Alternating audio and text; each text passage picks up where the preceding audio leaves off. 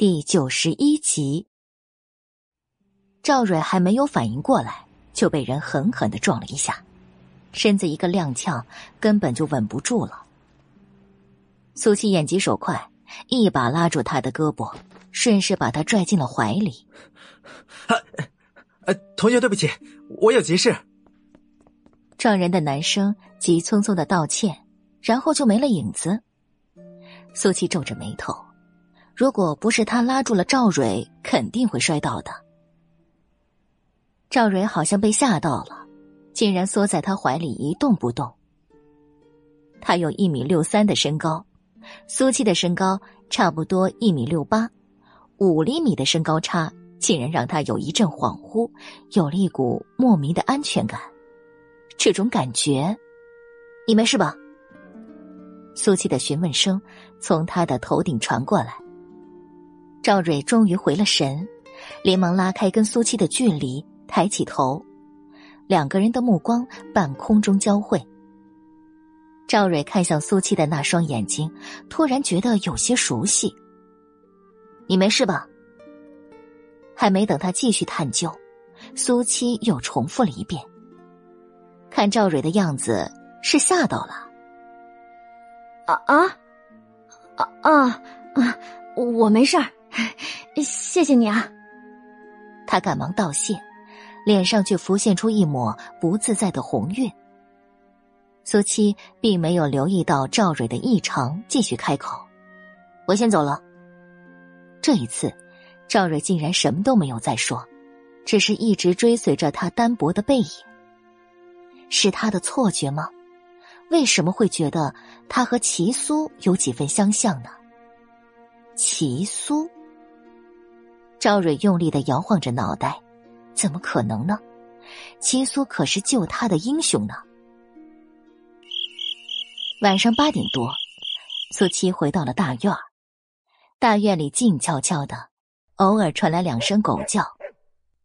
他很快便走进最近自家的胡同，经过王家的时候，他家院子大门敞开着，屋里反倒黑漆漆的一片，没有任何停顿。苏七径直走了过去。当他进了自家院子，听到屋里有说话声的时候，脸色顿时阴沉。这么晚了，谁会在他家呢？下意识的加快脚步。屋里，冯秀坐在炕边，脑袋垂得低低的。他的不远处还坐着周国松和另外一位大院里德高望重的长辈。冯秀。我知道这件事儿你委屈，但是人家也已经把钱还了，也赔礼道歉，做了保证。你难道非得看着他们坐了牢？那王家不就毁了吗？你们之间没有那么大的深仇大恨吧？周国松语重心长，作为他们的领导，发生了这样的事情，其实他也不想看到的。今天王大树媳妇儿更是一把鼻涕一把泪的来求他。让他一定帮助救救王大树，所以他们现在才会特意过来。冯秀双手握成拳头，紧抿着嘴唇。那位老者重重的长出一口气，显然对他现在的反应很不满意。他们都亲自来了，冯秀竟然还不松口。冯秀，这些年来，你们母女在大院里也没少受到大家的照拂。做事这么尖端计较，可不好啊！苍老的声音带着一股浓重的不悦。冯秀的呼吸一滞，一张脸涨得通红，张张嘴巴，可是却一句话都说不出。老头儿，你说的这是人话？王家人都骑到我们脖子上拉屎了，你还让我们忍着？感情被欺负的不是你们？这个时候。一番讥讽的话从门口响起，有些粗俗，更盛气凌人。周国松和老者二人脸色齐齐变了，在这个大院里，可没有人敢这样跟他们说话的。七七，冯秀看到苏七竟然回来了，手心直接冒了冷汗，更是惴惴不安，赶紧起身朝着苏七走过去。苏七眯了眯眼睛。瞥了周国松和老者哥一眼，果然王家人还不死心，又出了幺蛾子。周国松用力的咳嗽了一声，事情的经过他都已经知道的清清楚楚了。现在他可以肯定，苏七的脑子好使了，而且还过分的好使。屋里的气氛压抑无比。冯秀，这就是你教养出来的闺女吗？这么没大没小，长辈们说话也乱插嘴。老者直接呵斥一声，而且针对的对象是冯秀。苏七深邃了眼眸，上前一步，把冯秀护在自己身后，阻隔开他们的视线。长辈要有长辈的样子，倚老卖老，还要让人尊重。老者被苏七一句话气得吹胡子瞪眼，握着拐杖的手背上青筋都凸显出来。你，你，甚至被气得说不出话了。七七，王爷爷毕竟是长辈。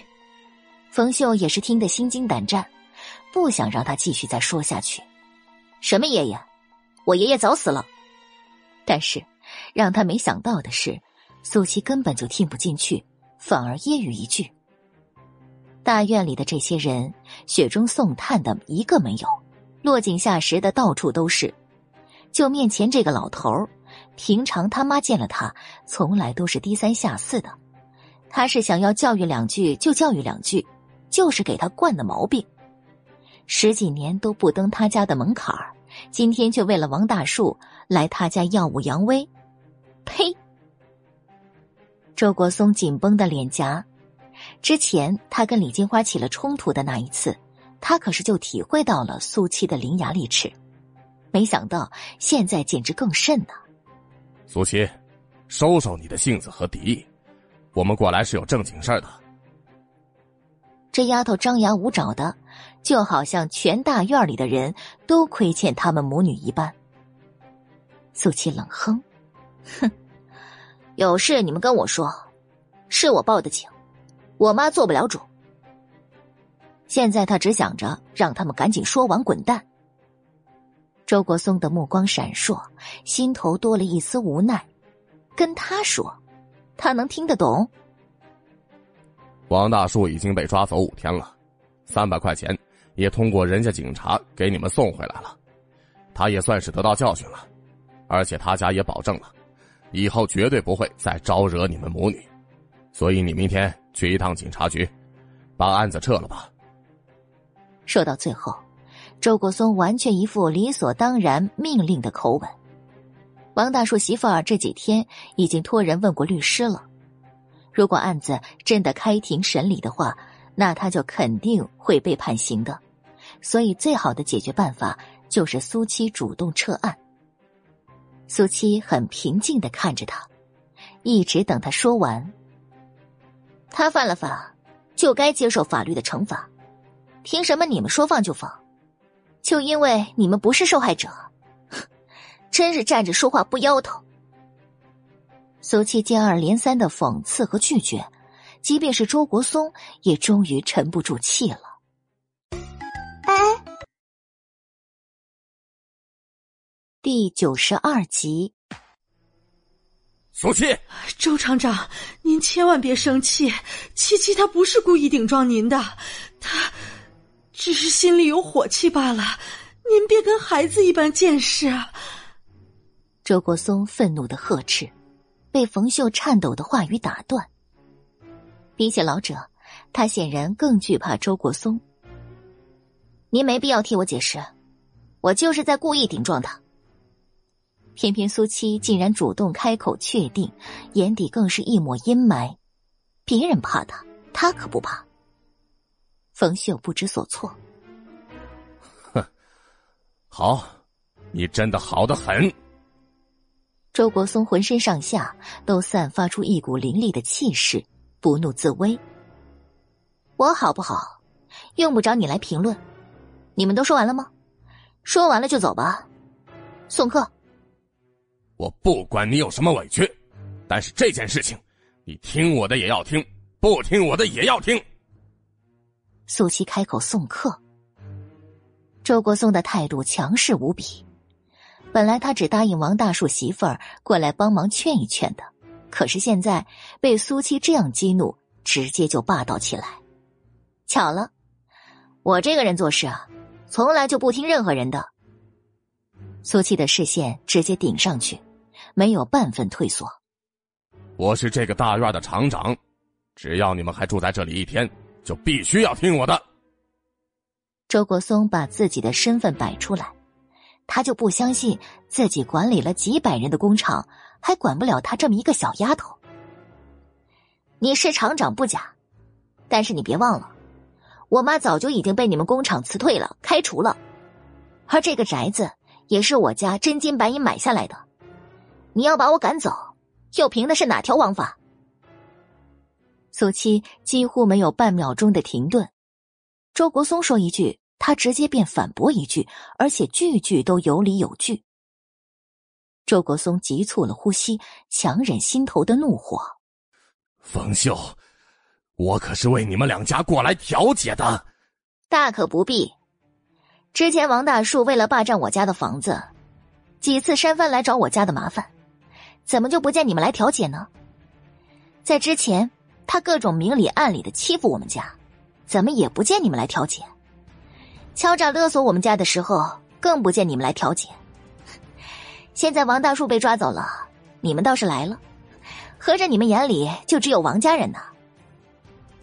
苏七言语犀利，完全不给他们留任何的颜面。周国松竟然被怼得哑口无言，这种家长里短的事儿，他确实很少搭理。至于敲诈勒索，他是根本还没知道，他就已经报了警了。以前没有一个人帮过我们家，所以我们也不需要看谁的脸色。你们再不走，我就接着去报警，告你们骚扰。苏七的耐心也到了极限，凌厉的声音直接威胁。周国松的脑袋嗡嗡直响，血压都高了。被一个小辈儿这样驱赶，还是他人生里头的头一次啊！偏偏他还找不到发作的理由。国松，这丫头实在是太嚣张了。这事儿咱们俩管不了了，让他们两家随便去闹吧。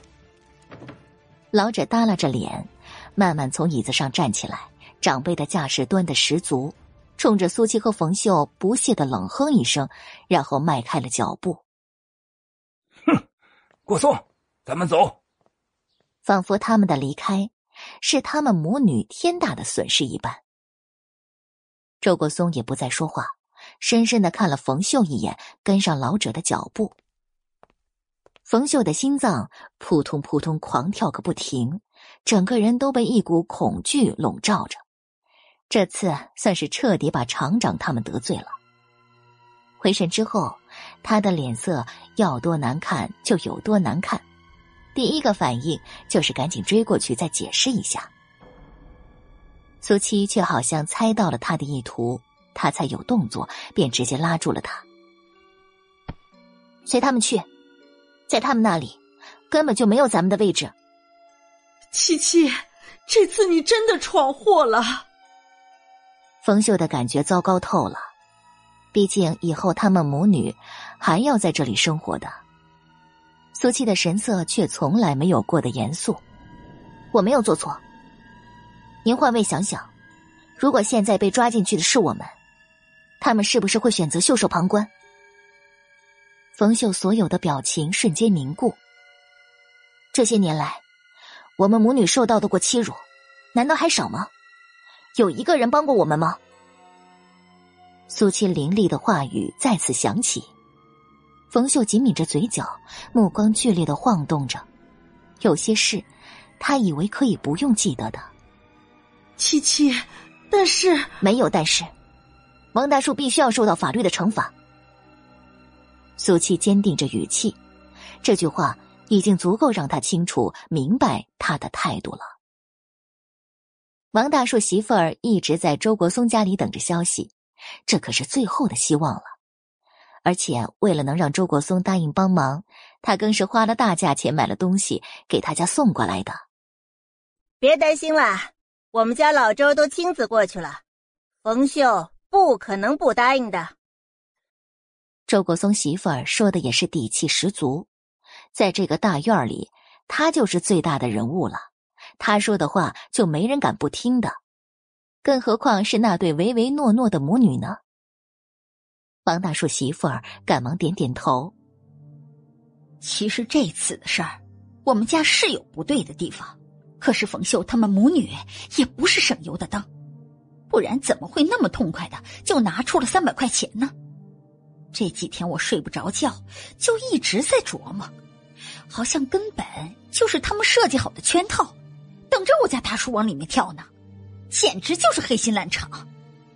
他越说越气愤，特别是前两天小美那边也托媒人来了信儿，跟他儿子的婚事直接就黄了，他现在想要杀人的心思都有了。周国松的媳妇儿也不由得思索起来。比起他们两家的矛盾，他其实更在意的是苏七家的钱到底是哪里来的。三百块可不是一笔小数目了，就算是他们这样的家庭，存款也只有大几百而已。这些话没人的时候跟我说说也就算了，在外面可不要再说了。回神之后，忍不住提醒他一句。王大树媳妇儿连连点头。现在当然要低调，等着自家男人救出来之后，才是跟那对母女算总账的时候。这个时候，院子里大门响了，两个人都赶忙起身迎出去。不用问，也肯定是周国松回来了。国松，怎么样？他们明天什么时候去撤案？周国松媳妇儿马上开口，替王大树媳妇儿询问起来。直到现在，依然觉得是板上钉钉的事情。周国松脸色阴沉，看了他们两个人一眼，然后扔出一句话：“苏七不同意。”本集播讲完毕。第九十三集。哎呀，西西，这种事儿啊，叫下人来就好了。老太太看着端着洗脚盆到自己面前的宁熙，诧异了神色。没关系，是我自己想做的。宁熙说着，弯腰给老太太脱鞋洗脚。老太太看着她认真的神色，感动的不得了。这个丫头实在是贴心的很呐。西西呀，我听立业说。你是在京城的圣都大学做老师啊？嗯，是音乐老师。宁熙低着头，动作分外的温柔。怎么样啊？累不累啊？如果不喜欢的话，就跟立业说，让他帮你安排更好的。老太太关心的询问。前些年的时候，他也经常会过来。陪他住一段时间。这两年，宁熙参加了工作，所以回来的次数就越来越少了。工作挺好的，宁熙乖巧的回答着。他已经麻烦他们这么久了，以后可以自己独立生活了。嗯，那就好。老太太停顿一瞬，好像突然想到了什么。哎呀，呃，圣都大学。也是国内很好的大学之一啦。宁熙点点头，眼底一抹骄傲的神色。不是随便什么人都有资格进去做老师的。老太太眼珠子转了转，自己呢喃起来：“哎呀，这七七马上要高三了，以后要是也去了那边儿，你们还能有个照应呢。”虽然老太太声音不大。但是宁熙却还是听到了，她的动作停顿了一瞬，然后拿起旁边的毛巾为老太太擦拭起来。奶奶，您说的七七是谁啊？听起来似乎是女孩子的名字。七七是立业媳妇儿。老太太明显兴奋了神色，连语气都激动起来。宁熙愣了愣，是在跟他开玩笑吗？奶奶，奶奶，您找我。他刚想确定，立业正好出现在门口。老太太冲他点了点头，嗯，你可是又有十天没回来了啊！我看你是真不把我这个奶奶放在心里了。虽然嘴里在埋怨着，可是看着立业的眼神却透着说不出的喜欢。最近事儿忙。立业很认真的回答：“嗯，哼，就你忙。要不是西西回来了，你是不是还不打算露面呢？”老太太完全一副孩子赌气的口吻，她还不了解他，肯定是故意躲着，不想听他的话，把七七接过来。当然没有，现在已经没有那么忙了，我会陪你几天的。立业有些无奈，其实他是真的出差了一趟。老太太听他这么说，脸上总算有了笑容。哼，这还差不多。西西难得回来。你也多带他逛逛。宁熙朝着立业眨了眨眼睛，显然一副开心的模样。嗯，我会安排的。立业答应一声。不过，老太太的目的可不止这些，很快便继续开口：“ 西西一个女孩子啊，估计跟你啊也玩不到一块儿去。明天正好是周末了，你带上七七。”正好让他们两个丫头也认识一下。立业顿时一脸无奈，宁熙脸上的神色凝固一瞬，又是七七。奶奶，他不一定有时间的。立业果然还是想要拒绝的，他跟那个丫头八字不合，他能有什么事儿啊？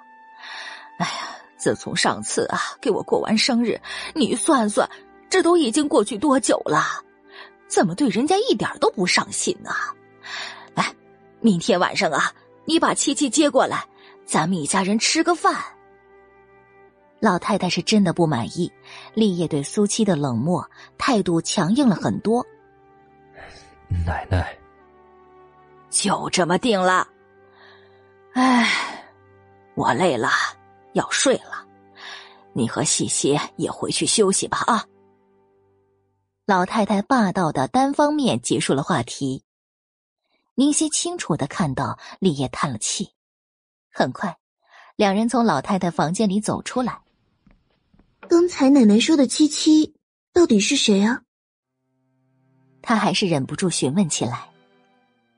立业紧绷着脸颊，竟然选择了沉默。现在他们表面上的关系是未婚夫妻。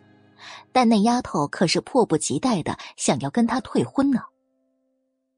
宁熙微微皱眉，心里闷闷的不太舒服。见立业没有说话，又小心翼翼的确定一遍：“奶奶刚才说你结婚了，是在开玩笑吧？”“没有。”这次立业开了口，宁熙简直如释重负。果然，奶奶是在开玩笑的，而且。看她现在的样子，好像非常讨厌提到那个女人，所以也绝对不会是那样的关系。既然立业不想说，那他就不问，反正明天应该就能见到本人了。那明天我们明天我让司机陪你。立业不等他的话说完，便打断了他。虽然答应了奶奶，但是他也确实不能一整天浪费时间的。宁熙很明显的愣了一下，然后失望了神色。那我也不出去了。搏击场那边确实有事儿。立业难得解释一句。搏击场。宁熙眼前一亮，马上就想出一个两全其美的办法。那我跟你一起过去。他其实也挺喜欢看激烈的搏击比赛的。立业迟疑一瞬，放心，我是不会给你添麻烦的。宁熙非常认真的保证。立业这才点点头答应下来。第二日，武馆，爸，大师兄，我要跟你们一起去。赵蕊早早就在大厅里等着了，就怕错过了他们。胡闹！那是你一个女孩子该去的地方吗？赵坤严肃着表情，一声呵斥。他以为是去玩吗？那可是生死搏斗的地方啊！赵蕊紧绷着脊梁，寸步不让。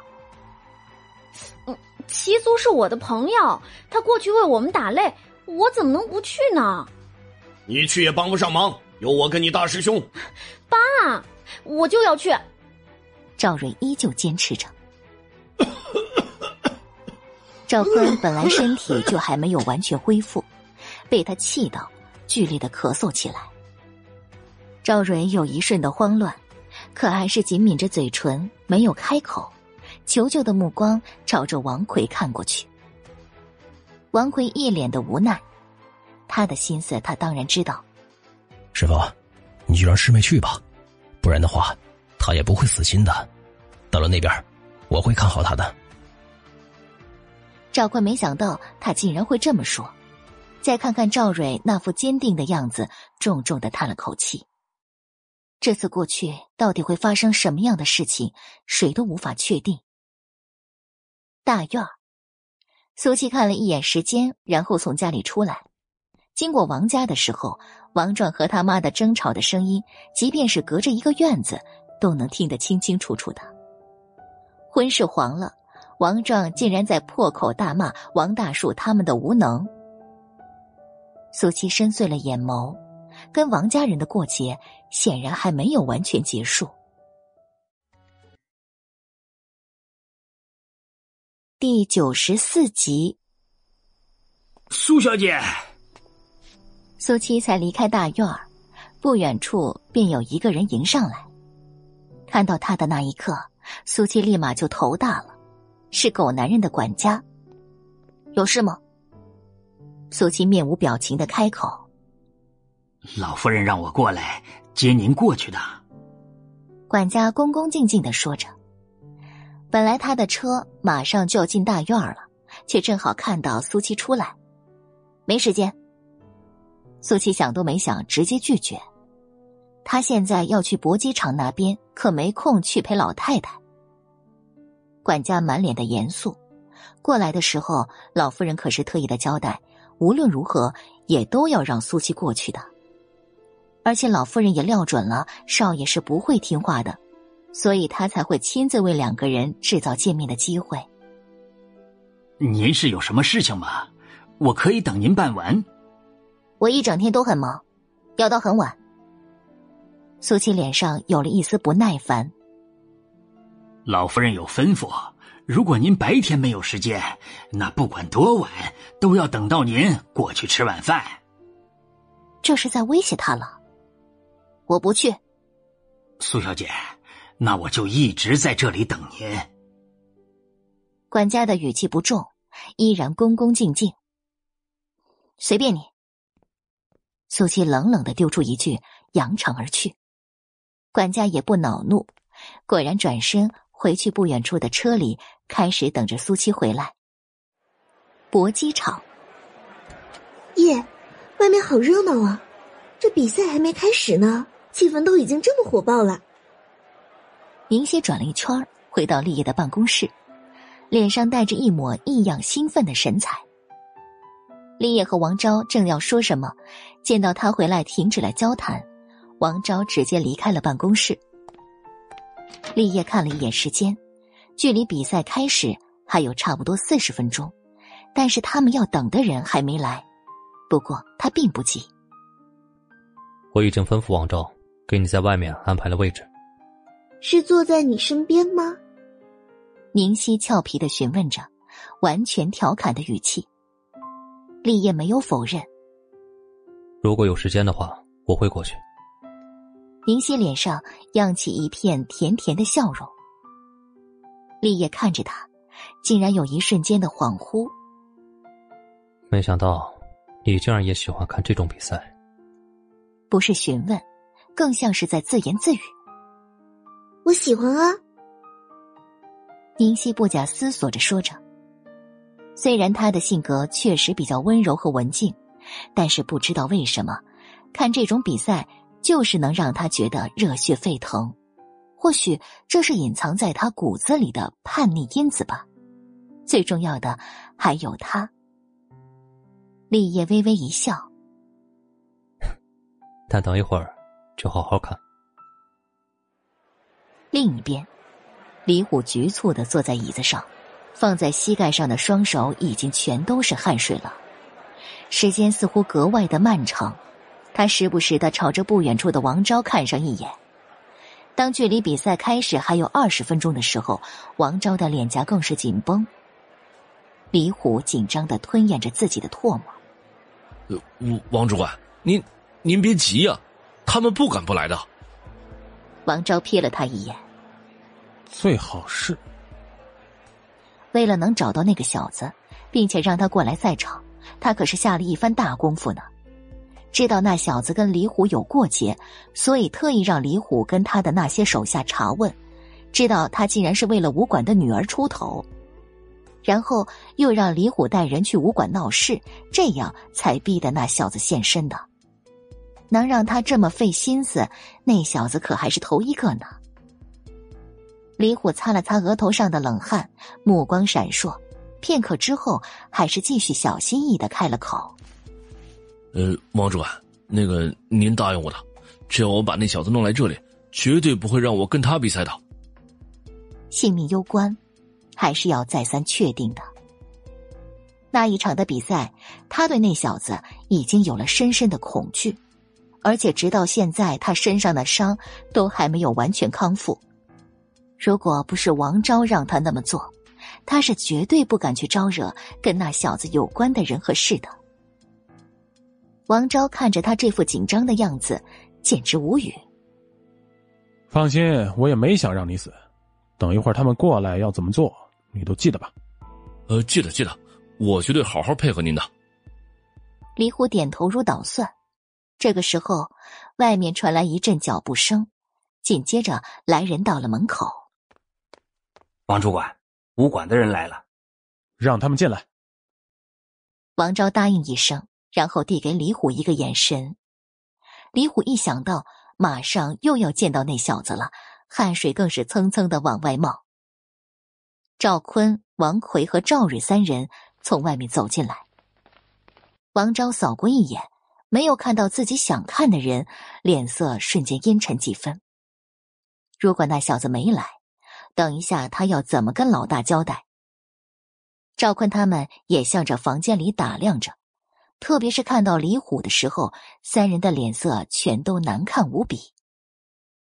短暂的寂静之后，王昭开口：“你们的事情，李虎已经跟我说了。今天他要在这里解决你们的恩怨，所以你们谁要跟他上台？不能直接问那小子，但是接下来的事还是要办的。”赵坤终于回神，看向了王昭，这是他和李虎之间的恩怨。跟王昭也并不认识，只知道他是这里的主管，所以对他没有太大的敌意。在他开口之前，王奎沉不住气了，稍微向赵蕊的方向靠近，压低嗓子，用只有他们两个人听到的声音说话：“这齐苏怎么还没过来？他，他不会是反悔了吧？”那天他走的时候，他分明清清楚楚的提醒过时间了。不会的，赵蕊想都没想。齐苏一定会来的，现在时间还没到呢。他对齐苏无条件的信任。王奎眉头紧皱，早知道真的该问问那小子到底住在哪了。他要是不来，就算是找都没地方的。而且马上就要上台比赛了，难道真的要让师傅上去送死吗？能不能再等等？赵坤的声音打断师兄妹两个人的思绪。等。王昭虽然看起来疑惑，可是心里却已经放松了几分。所以要上台的不是他们，应该是那小子的。赵坤僵硬的点点头。我们还差一个人没来呢。王昭和李虎对视一眼，两人全都心照不宣。距离比赛开始还有十分钟。王昭板着声音提醒一句，赵坤紧绷着唇角，充满敌意的视线看向李虎。他们武馆开的好好的，可是却被这个恶棍盯上了。李虎也是有苦难言啊，但还是盛气凌人的一声冷哼：“房间里的五个人各怀心思，鸦雀无声。啊！第九十五集，在距离比赛仅剩下五分钟，赵坤脸色越来越难看，甚至已经开始打算自己上台的时候，外面终于有了动静。片刻之后，苏七的身影出现在所有人的视线当中，依然是跟上一次一模一样的穿着，也依然口罩遮面。王昭顿时兴奋了神色，终于来了呀！赵坤和王奎如释重负，赵蕊却差点就红了眼眶了。唯有李虎直接一个哆嗦，下意识的往后面缩了缩身子。齐素，你来了。赵蕊马上来到齐苏的身边，王昭目光闪烁，原来这小子叫齐苏啊。苏七淡淡的扫了一圈，视线在经过李虎的时候停顿一瞬。李虎脑袋低的。贴在了胸口上，根本不敢去跟他对视。小兄弟，没想到我们又见面了。王昭也开了口，声音里带着一丝难以掩饰的高兴。我可不想见你。苏西压着嗓子，这里是狗男人的地方，如果可以，他是连看都不会多看一眼的。赵坤三人却很疑惑，所以他们是认识的吗？王昭尴尬了表情，不知道为什么，他突然觉得这小子对他有说不出的敌意。我是来替武馆出赛的。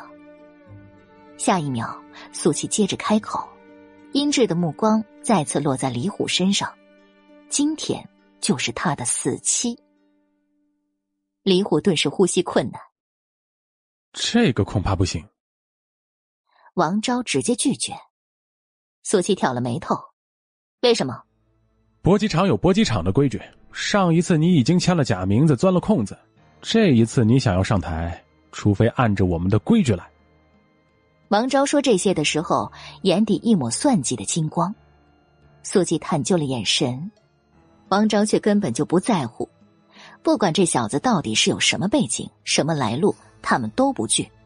在这个城里，还没有老大惹不起的人呢。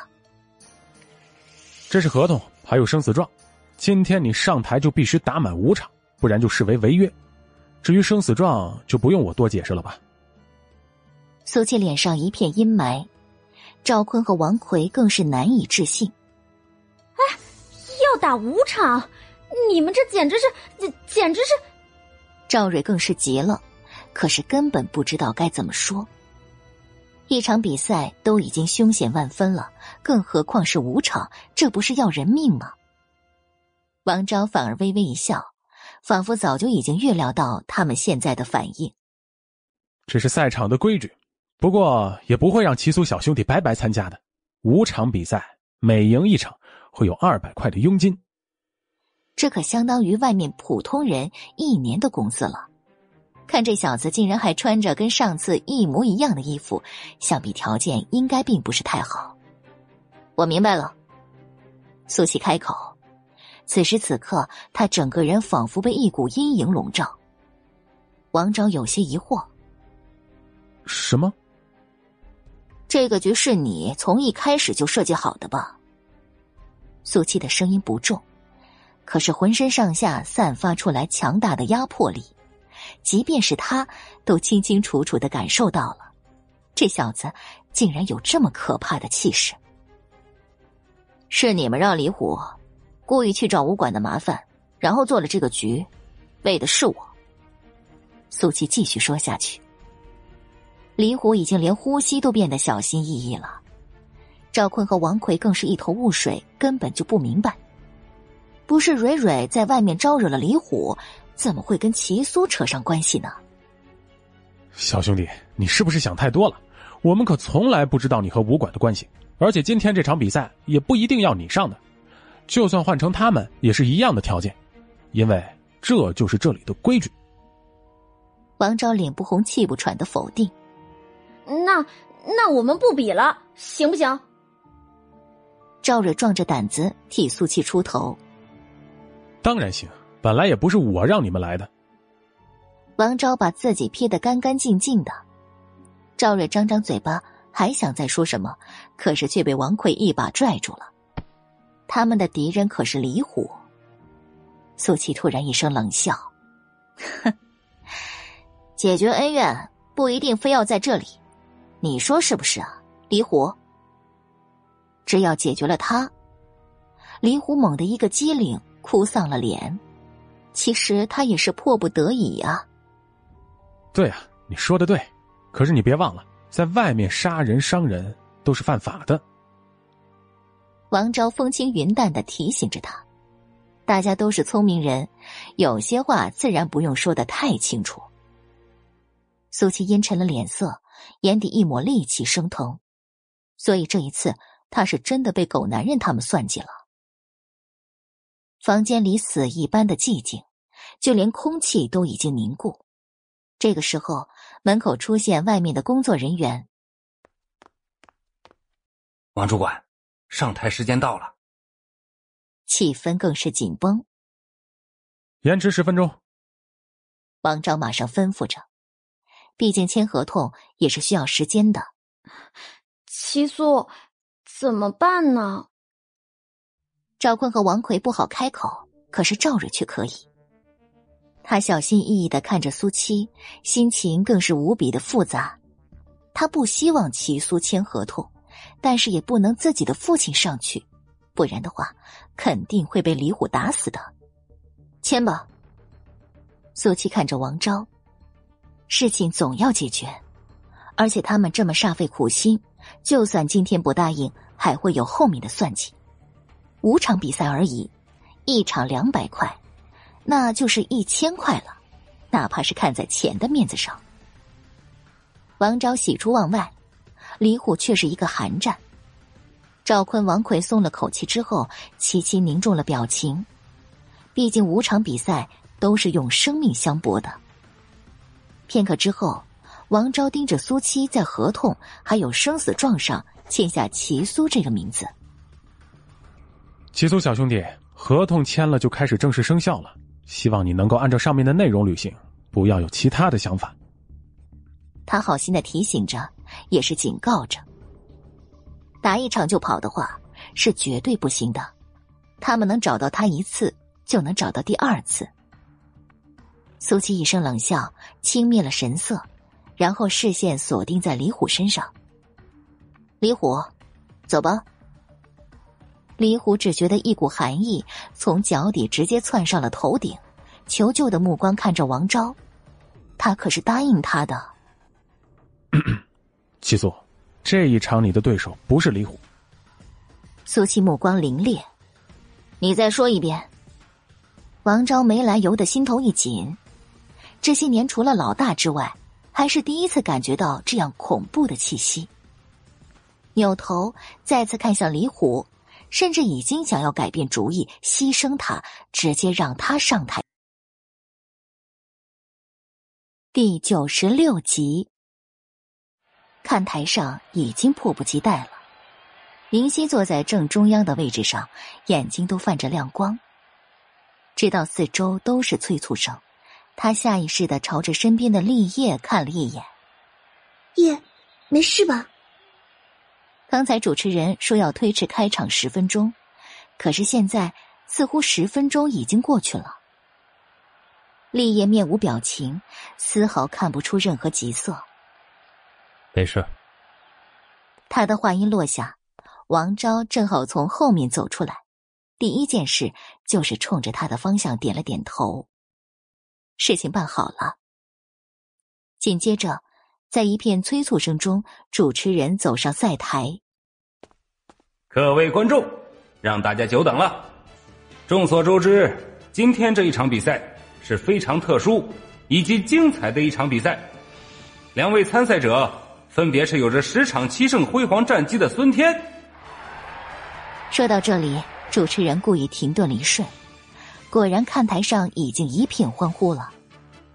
明熙也已经完全被气氛感染，即便不知道这个人，但是从四周人的反应当中也知道一定很厉害。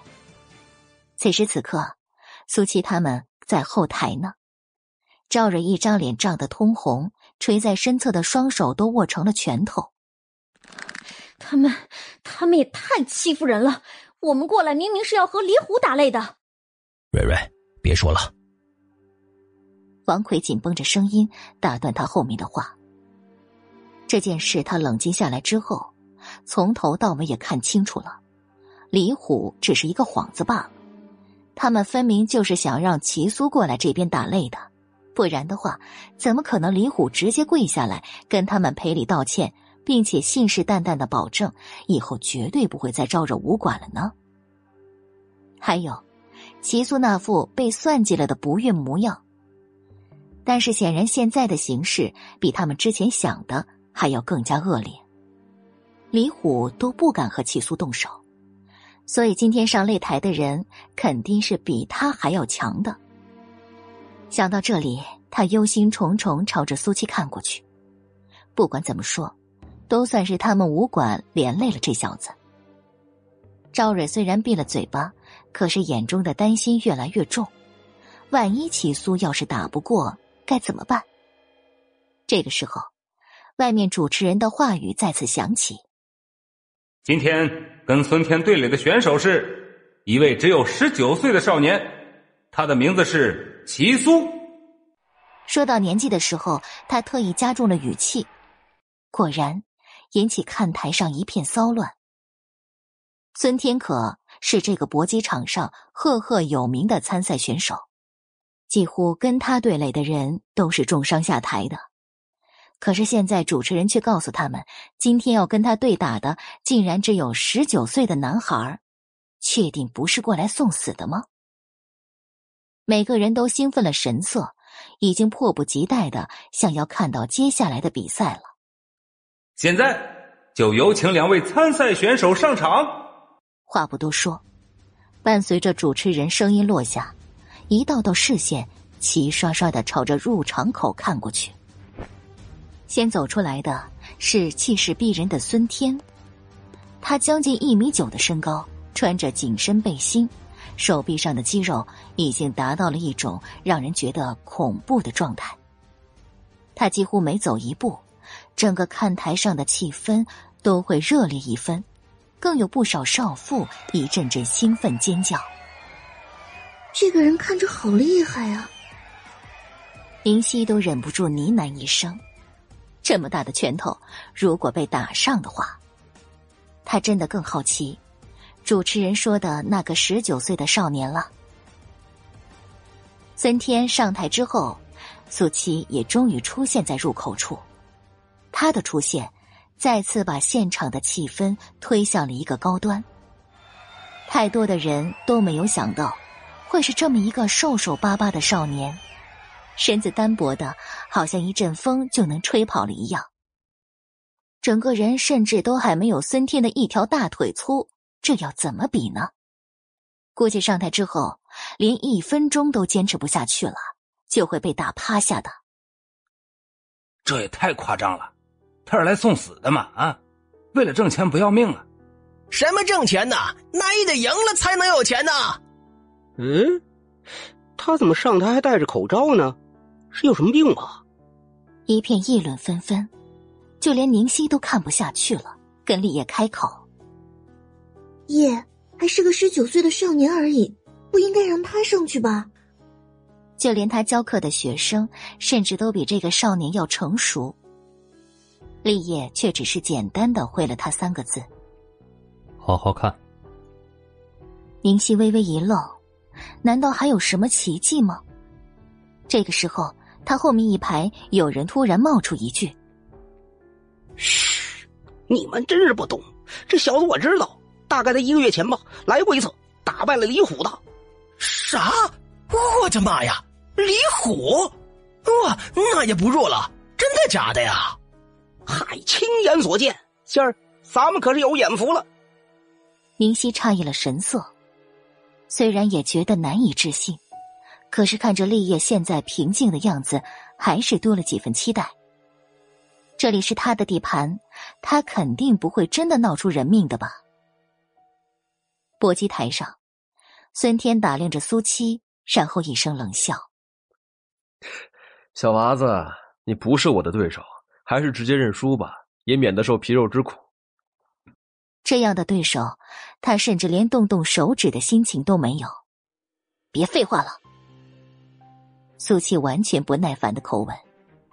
孙天目光一厉：“臭小子，不知死活呀！”裁判上台，竟然也是先看向了苏七。这小子，他可是印象深刻。按着惯例，宣布比赛规矩，然后双方准备。赵坤、王奎、赵蕊也出来。被安排在了角落的位置。赵蕊看着孙天，真的觉得自己的心脏都快要蹦出来了。仅仅只是气势，都已经让人不寒而栗了。师兄，齐苏他一一定是可以的吧？颤抖着声音，没有任何底气。王奎却是苦笑了一声，他真的不知道啊。擂台上，孙天活动着四肢和脖颈，骨节之间发出一声声响，然后拉开了架势。小娃子，两分钟之内我就让你趴在这里！狂妄的给出自己的预期。苏七口罩底下的唇角微微上扬，慵懒不在，浑身上下仿佛散发着肃杀之气。这种变化，对于面对他的孙天，感觉格外的清晰。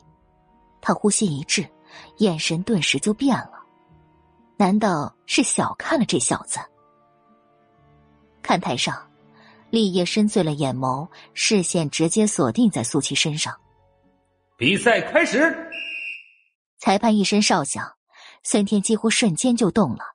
他就是要出其不意，不给这小子任何反应的机会。看台上一片惊呼和尖叫。订阅评论第九十七集。孙天的爆发力和冲击力是惊人的，这一击如果真的被他得逞的话，恐怕苏七不死也残呢。赵蕊甚至被吓得直接闭上了眼睛。可是让所有人都没想到的是，孙天的速度快，苏七却更快。他一个利落的侧身。完美的躲开了他的撞击，没有一丝拖泥带水。整个看台上一片惊呼，一双双瞪大的眼睛。那小子到底是怎么做到的？根本没有任何探究的时间，因为擂台上的两个人已经正面交锋了。苏七虽然身经百战，但是也并没有轻敌。他很清楚自己的弱点是力量不够。所以，完全避开他的拳锋，寻找着机会。而且最主要的是，他上台之前已经看到坐在看台上的立业，所以除了要对付孙天之外，他还必须要隐藏那些他熟悉的杀招。虽然苏七依然不能确定这个立业到底是不是那个在现代要杀他的那个人，但是他从来没有任何一丝侥幸的心理。毕竟。他们两个曾经相杀相爱在一起十年的光景，可以说那个男人也曾经是那个世界上最了解自己的人了。这种了解，那才是最可怕的。如果一旦被他怀疑身份，现在的苏七完全已经一心两用了，不能出杀招，要隐藏实力，而且还有力量方面的弱点，所以他也只能找到孙天的破绽，然后解决掉他。真厉害！明熙看着擂台上，忍不住一声惊呼。本来他以为这样的比赛肯定会是摧枯拉朽，但是现在他才知道自己错了。看着几乎每一招都落空的孙天，他真的觉得难以置信。所以，那个少年竟然有这样的身手。耶，他刚才用的是什么功夫啊？他。自然指的是苏七。立业一双眼睛始终没有离开苏七身上，神色更是说不出的严肃。不知道为什么，他对这些看起来丝毫没有章法的招式会有一种熟悉感。现在还看不出？你都看不出来吗？宁熙真的是被惊到了，在他的心里，他可是无所不知的。随着时间的流逝，看台上的气氛无比沸腾，整个会场喝彩的声音震耳欲聋。赵蕊紧张的抓着王奎的胳膊，甚至都忘记了呼吸。哇，齐苏好强啊！王奎一扫之前的担心，两只眼睛放着亮光，也完全被四周的人感染，甚至比他想象中的还要强得多得多。怪不得他会一招就败了，现在他简直对苏七心服口服。赵蕊用尽全力才能发出声音：“爸，大师兄，齐齐苏他他会赢的，对不对？”依然是跟刚刚一样的问题，也是他现在唯一在意的。可是他们依然没有给他想要的回答，因为现在擂台上的两个人看起来似乎是势均力敌的，但是齐苏的身体应该明显不如孙天的。所以，如果时间拖得太长的话，恐怕齐苏还是会吃亏的。他们能想到的，擂台经验丰富的孙天自然也完全可以。这个小子滑的就像泥鳅一样，不管是什么刁钻的角度都能避开。他实在是让他有些心浮气躁。可是，同样他发现这小子是不敢和他正面碰撞的。两个麻杆一样的胳膊，只要被他给捏到，他就能立刻废了他。想法虽然美好，但是却始终找不到那个机会。几分钟之后，他发现自己似乎只能先消耗这小子的体力。苏七的招式虽然杂，可是却出奇的稳，躲避之余竟然还有精力开口调侃：“哼，孙天。”你不是说两分钟就能让我趴下吗？现在已经是几个两分钟了，果然是牛皮吹大了。孙天的呼吸瞬间急促，臭小子，竟然敢讥讽他！你你找死！哼，那也要你有这个本事，不出十招，我也让你趴在这个台上。苏七低沉的声音里透着说不出的嚣张。孙天狰狞着眼眸。两条手臂上的青筋清晰可见，更是卯足了力气，恨不得一巴掌拍死他。齐苏，你死定了！老大，他们是在说话吗？坐在立业另一边的王昭惊愕不已。从搏击场营业到现在，这样的情况可还是第一次。虽然他们根本听不到台上的声音，但看样子。孙天的气势似乎更加的恐怖了，所以齐苏到底说了什么？在这样的情况下，竟然还敢激怒孙天？是。立业的回答更是让王昭觉得此时此刻的场面太过诡异。两人对话之间，台上的苏七已经接连两招，马上要第三招了，孙牛皮。孙天被这个称呼气得鼻子都歪了，本来打算好的拖延战术，更是一下子就抛到了脑后，杀招一个接一个。苏七的动作虽然是快了不少，可是跟他比起来，却明显少了几分气势，而且还惊险，差点没有躲开，引得看台上更是尖叫连连。孙天热血沸腾，该死的小子看起来是不行了，这个认知。让他所有的招式全都放在进攻之上。突然，苏七目光一顿，眼底一抹戾气浮现，一个闪身，再次避开他挥舞过来的拳头，绕到他的身后。机会来了，立业也几乎瞬间就捕捉到苏七的意图，比赛要结束了。苏七手起拳落，打在孙天的身上。看起来那么平平无奇的一招，至少跟孙天的拳重比起来，那是天壤之别的一拳。但是却让孙天只觉得浑身一麻，浑身上下的骨头仿佛都散架了一样。甚至还没等他反应过来，胳膊便已经被苏七拽住，骨头脱臼断裂，钻心的疼痛让孙天一声嚎叫。啊！可即便是这样，苏七依然没有停下。面对敌人，当然是趁他病要他命。一旦给他反击的机会，那死的就有可能是他自己了。苏七犹如鬼魅一样到了孙天的身后，朝他的后腿膝盖处狠狠一脚。孙天也无法站立，整个人跪倒在地。此时此刻，整个看台上已经鸦雀无声了。苏七终于停下了动作，废了他的一只胳膊一条腿，他已经失去了战斗能力。苏七掀了掀嘴角，在裁判目瞪口呆下，嚣张的说出了三个字：“第五招。”订阅评论，别忘记，精彩故事再继续，我们下集见。第九十八集，齐苏胜。伴随着裁判高亢的话音，一起落下的是震耳的尖叫和雷鸣般的掌声。精彩，实在是太精彩了！特别是这种年龄、体质上的悬殊，这种巨大的反转，绝对满足了所有看客所有的情绪。王昭看着四周那一张张兴奋到扭曲的面孔，开心不已。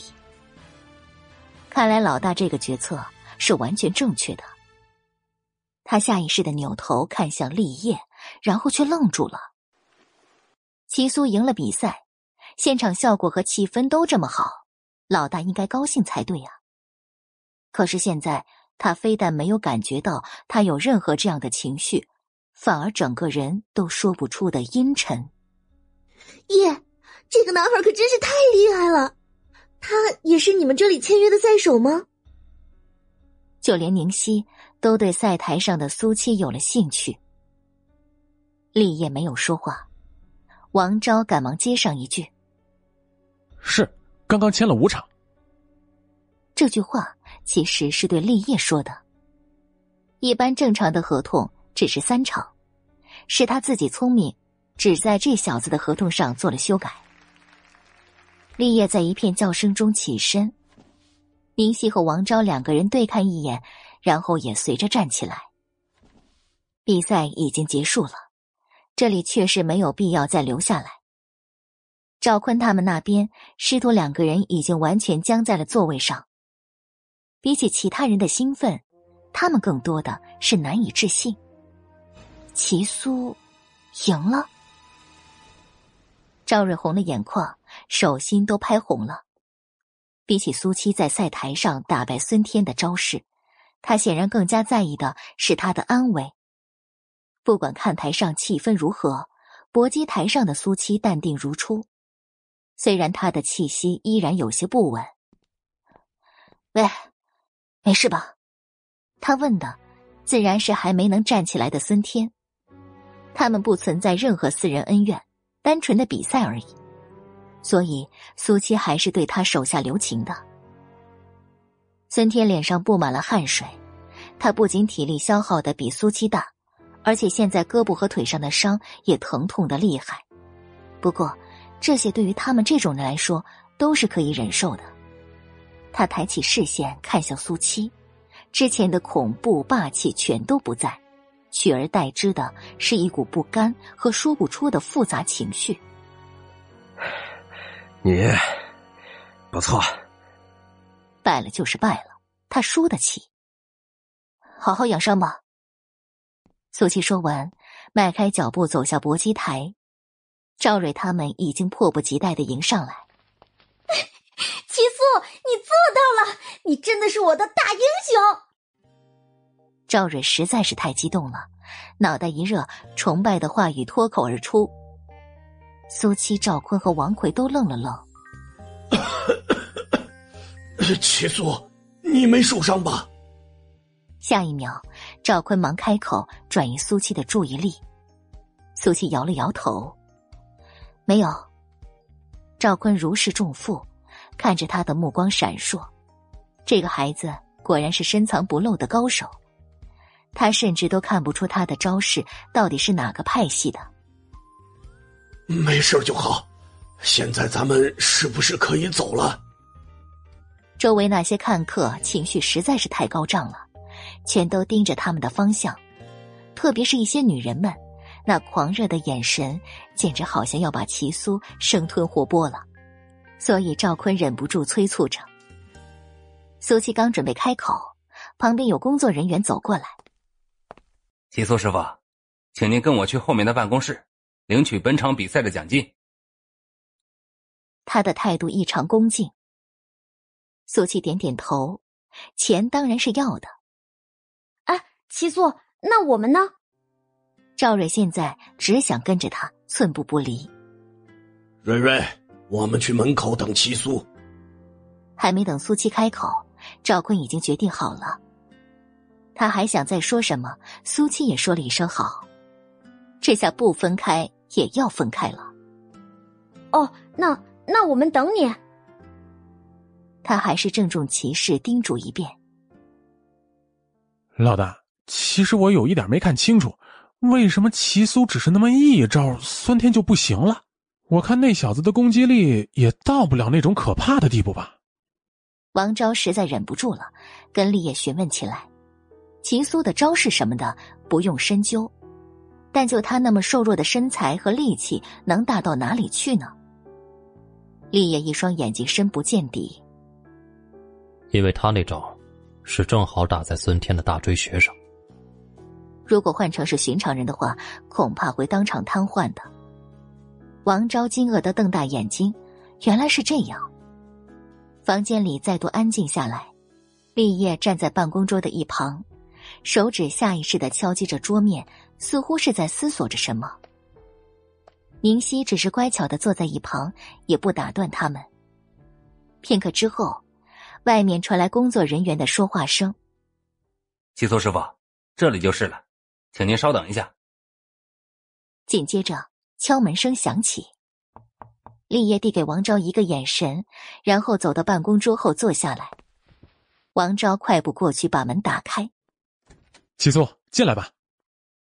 苏七走进房间，看到竟然是立业也在的时候，脸色顿时阴沉下来。只是领取比赛奖金罢了，有必要找他这位老板吗？就算再不情愿和他碰面，但是现在也已经进来，如果直接离开，反倒会让他疑心。我来拿奖金。苏七更加压低了嗓音，完全和平常自己的声音判若两人。好的。王照没有任何犹豫，看向立业。立业从抽屉里拿出一个很厚实的信封，放到了桌子上面。你叫齐苏。在苏七的意料之中，他果然开了口：“是。”今天的比赛很精彩。立业的视线始终落在苏七的身上，仿佛是在探究什么，确定什么。苏七选择沉默。这个时候，王昭把信封递到他面前：“这是本场比赛的奖金，下一场比赛安排是下周六。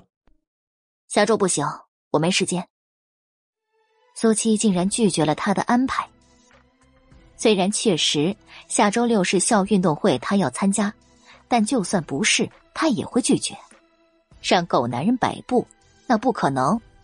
替他打比赛赚人气赚钱，那也要看他苏七的心情。王昭脸上的表情瞬间凝固，有些不安的看向立业，然后赶忙开口提醒：“七苏，我们可是有合同的，你要完成五场比赛。合同上有写我一定要什么时间参加吗？”苏七很淡定的一声反问。虽然只是看着王昭，但是挑衅意味十足。本来就是他们在算计自己，所以也别怪他苏七钻空子。这个还需要写吗？那当然是连续的。王昭，既然他下周有事儿，那就安排在下下周好了。立业突然打断王昭的争辩，往后顺延时间。爆点击，快订阅。第九十九集，王昭诧异了神色，他还以为老大会生气。我走了。苏七完全不想去探究立业的想法，准备离开。等一下，一直坐在旁边的宁熙却突然开了口。苏七眼底一抹不耐，朝着他看过去。当看清楚他的模样之后，很明显的愣了一下。这张脸怎么会让他有一种似曾相识的感觉？宁熙起身来到他身边，目光温柔：“你真的只有十九岁？为什么要戴着口罩呢？”他还挺好奇他的长相，不过看他这双眼睛实在是过分好看，应该会是一个很清秀的男孩子吧。是，那你还是学生吗？家住哪里啊？苏西愣了愣，这个女人到底是从哪里冒出来的？宁熙感觉到她眼底的防备，这才意识到自己有些唐突了。不好意思，我没有恶意的。只是觉得你很厉害。其实我在京城的圣都大学做老师，我的学生们都是跟你差不多大的年纪。苏七冷漠的看着他，宁熙也觉得尴尬了。这孩子身上的气息简直就是生人勿近。呃，反正你很棒就是了。真心的夸赞一句，结束自己的话题。苏七再次准备离开。可是，偏偏立业又突然开口：“我们以前是不是见过？”他低沉的话语带着一丝探究和迟疑。苏七呼吸一滞，一颗心沉到了底了。不会这就被狗男人认出来了吧？等等，如果他能认出他是以前的他，也就意味着狗男人也是以前的他了。我不认识你。房间里的空气仿佛都已经凝固起来，压抑的让人窒息。片刻之后，立业终于又说着：“你可以走了。”这一次，苏七没有一秒钟的停留。老大，你是不是看出什么了？他离开之后，王昭马上便询问了起来。他太了解立业了，绝对不会无缘无故的突然这么问。立业摇摇头，吩咐一声：“没什么，去处理外面的事吧。”是。很快，王昭也走了出去。叶，你怎么了？林夕皱着眉头，关心的看着他，怎么会一副心事重重的样子？立业收敛思绪：“没什么，这边比赛完了，要不要出去逛逛？”那你去吗？宁熙眼巴巴的，立业看了一眼时间。我陪你吧。宁熙脸上顿时浮现出一抹甜甜的笑容。好，七苏，跟我们一起回武馆吧。今晚我们一起好好庆祝一下，怎么样？王奎主动向苏七发出邀请，直到现在，他们依然心情澎湃呢。赵蕊充满期待的眼神看着他。我还有事，就不去了。以后李虎也不会再去找你们的麻烦，这边的事也由我处理。苏七告诉他们，这件事也就到此为止。七苏，这次是我们欠你一个人情，以后只要你不需要。苏七径直打断赵坤后面的话，说到底也是因他而起，所以也不需要他们的感谢。赵坤当然不会知道他的心思，只能尴尬的笑笑。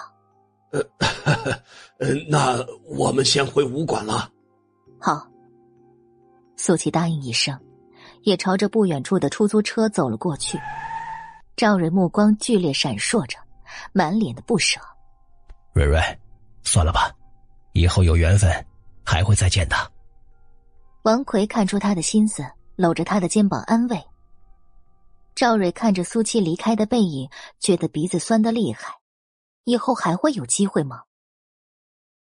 苏七才走到出租车旁边，一辆轿车从他身边擦肩而过。虽然只是一瞬，可苏七还是清清楚楚的看到里面坐着立业和那个女人，深邃了眼眸。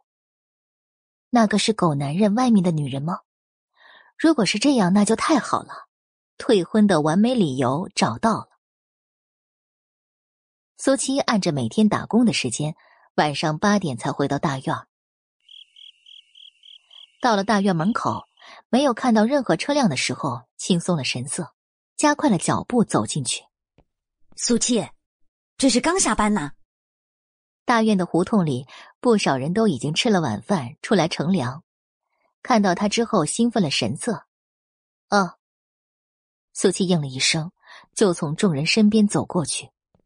可是那些人依旧在八卦着。嘿，苏七，你们家什么时候有阔亲戚的呀？哎，你不知道吗？开着小轿车来的，就停在你家门口了。街坊们的话让苏七的脸色瞬间阴沉。不会是他想的那样吧？三分钟之后，他回到了自家胡同，果然门口停着一辆轿车，车的周围挤满了大大小小的孩子。这个年代，小轿车绝对是奢侈品。整个大院里，也只有厂长周国松家里有一辆，而且还是公家的。现在出现在他家了，当真是想要低调都不可能了。七七，你回来了。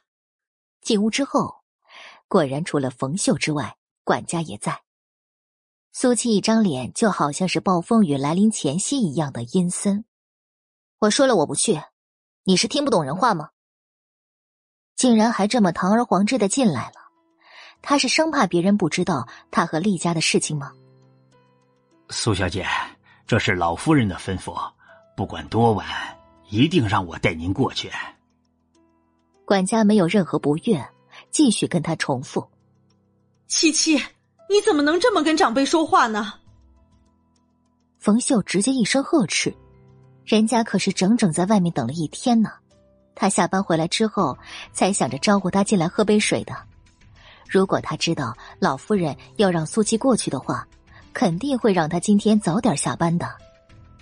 您不知道。”我都知道，奶奶想你了，想接你过去一起吃饭。你赶紧去洗把脸，换身干净的衣服过去吧，总不能让老人家等一个晚上吧？冯秀又很快温和了声音跟他说着。虽然也知道他到了陌生的环境肯定会不习惯，但是厉家早晚都是他的家呀。我不去，苏七真的觉得头疼了。七七，不要让妈着急。冯秀简直就是在求他了，而且也不能让管家一直留在这里呀。苏七眉头紧锁，最后还是重重的叹了口气。这天底下，恐怕唯一一个能这么威胁他苏七的，也就只有冯秀他这个妈了。好，我去，吃饭而已，有什么大不了的？管家听了之后，也终于放松了神色。苏小姐，我去外面等您。坐坐坐，嘿。第一百集。奶奶，晚饭早就准备好了，我让他们开饭吧。立业跟老太太询问着，回来之后，他一直在房间里处理一些比较重要的文件。忙完之后，才发现已经过了晚饭时间。老太太并没有说话，而是朝着外面大门口张望着。这个动作让立业有些疑惑，询问的目光朝着坐在他身边的宁熙看过去。他们回来之后，宁熙就一直陪在奶奶这里了。可是让他没想到的是，宁熙竟然也摇摇头，表示自己不知道怎么回事。吃什么饭呢？人还没有到齐呢。老太太看着院子外面依然没有人进来，赌气的说了一句。立业皱着眉头，家里的人不都在这里吗？难道？他这才留意到管家似乎不在。你呀，你就从来没有把奶奶的话放在心上过。我明明叮嘱你了，今天要把七七一起接过来的，结果呢？下一秒，老太太的话果然印证了立业心中的所想。今天工作太忙，没时间。立业随便找了个借口敷衍，而且看样子，苏七也不是很想过来，不然的话，怎么到现在都还没有影子呢？老太太被他这句话给气到了，呼吸都急促了不少。奶奶，您别生气了，要不现在我们去接他？宁熙虽然直到现在还不知道他们口中的女孩子到底是谁，但还是担心他这样生气会伤到身子。还是西西你懂事啊。不过不用了，我已经让管家过去接了。老太太总算是稍微缓和了一些，可还是堵着气不看立业一眼。他就天天这么搞，恐怕他在有生之年都看不到自己重孙子了。这时候，院子里有车灯亮起来，老太太不悦的心情顿时好了许多，应该是把人接回来了。在宁熙的搀扶下，从沙发上站起来，宁熙也打起精神，朝着门口看过去。他倒要看看，能让奶奶这样在意的女孩子会是什么模样。片刻之后，两道人影出现在大厅门口，管家走在前面，苏七紧随其后。琪琪呀，哎呀，我的乖乖呀，你可算是来了呀！老太太的声音都不知道比寻常要激动多少，眼角眉梢都已经全都是笑了。宁熙一双眼睛直接落在苏七的身上，目光闪烁。如果说之前他还对这个女孩子有些在意的话，但是现在已经完全不放在心上了。除了身高之外，可以说完全没有任何可取之处了。整个人都是瘦瘦的，根本没有身材可言。至于长相，也只能算是清秀了。如果非要挑出有什么出众的地方，就是她的眼睛似乎格外的大和清澈。这样的女人，不是女孩子，绝对不会是立业喜欢的类型。奶奶好。苏七不咸不淡的打了招呼，然后对于立业和宁熙两个人直接视若无睹。七七呀，快快让奶奶好好看看。老太太丝毫不介意苏七的冷漠，虽然喜欢，但是也没有主动去触碰她，因为上一次的时候，他就发现了这丫头不喜欢别人太亲近了。哎呀，好像比上次过来气色好了一些了。走的时候啊，奶奶还那么嘱咐你，让你有空啊就多过来看看奶奶。结果你也不来，我在学校很忙的。苏七随便搭上一句：“奶奶，这就是您一直说的七七吗？”宁熙主动开口，态度友好。老太太点点头：“哎呀，我给你们两个丫头啊介绍一下，这就是七七。”立业的未婚妻呀，宁熙脸上的表情肉眼可见的凝固了。虽然他早已已经有了心理准备，可是现在听到老太太这么说，还是被惊到了。不是朋友的女儿，也不是奶奶想要撮合的对象，竟然已经是未婚夫妻的关系了吗？苏七把他的反应全都看在眼里，心里一声冷笑。琪琪呀，这是你宁熙姐姐，都是咱们一家人。老太太继续介绍。宁熙最快的速度调整情绪，然后落落大方的朝他伸出手：“琪琪你好，你好。”苏七只是应了一声，丝毫没有要跟他握手的意思。宁熙顿住一瞬，收回胳膊，扭头看向不远处的立业：“叶。”你都已经订婚了，我竟然一点都不知道。这么大的喜事儿，你怎么不通知我呀？软软糯糯的嗓音，颇有一些撒娇的意味。哎呀，这个不怪立业，七七娘家那边也低调，没有公开办事，只是两家人呐在一起吃了个便饭，定下来了而已啊。老太太笑呵呵的跟他解释，在他看来。虽然宁熙比苏七要大了四五岁，但是他们毕竟都是女孩子，肯定也能聊得来的。奶奶，现在可以吃饭了吗？立业岔开他们的话题，老太太点头，然后示意苏七跟上自己。很快，热腾腾的饭菜上了桌子。琪琪喜欢吃什么，就让立业给你夹，千万别不好意思啊！老太太一个劲儿叮嘱着，生怕苏七吃不饱。啊，我自己可以。苏七应了一声，自顾自吃着，低垂的眼帘下却是目光闪烁。本来还以为这个女人是立业在外面的人，可是没想到竟然是家人。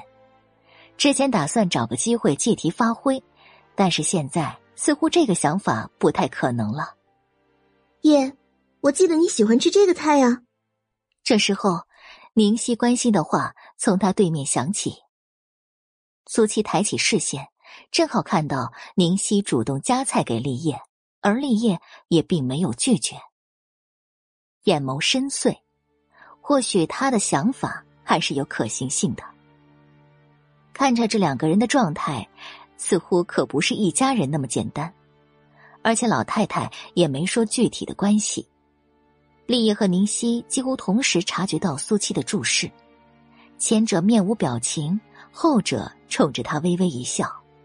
七七，你喜欢吃什么？不用管我，你们继续。苏七突然一声调侃，表现的越是亲密越好啊，最好直接让老太太都看出来。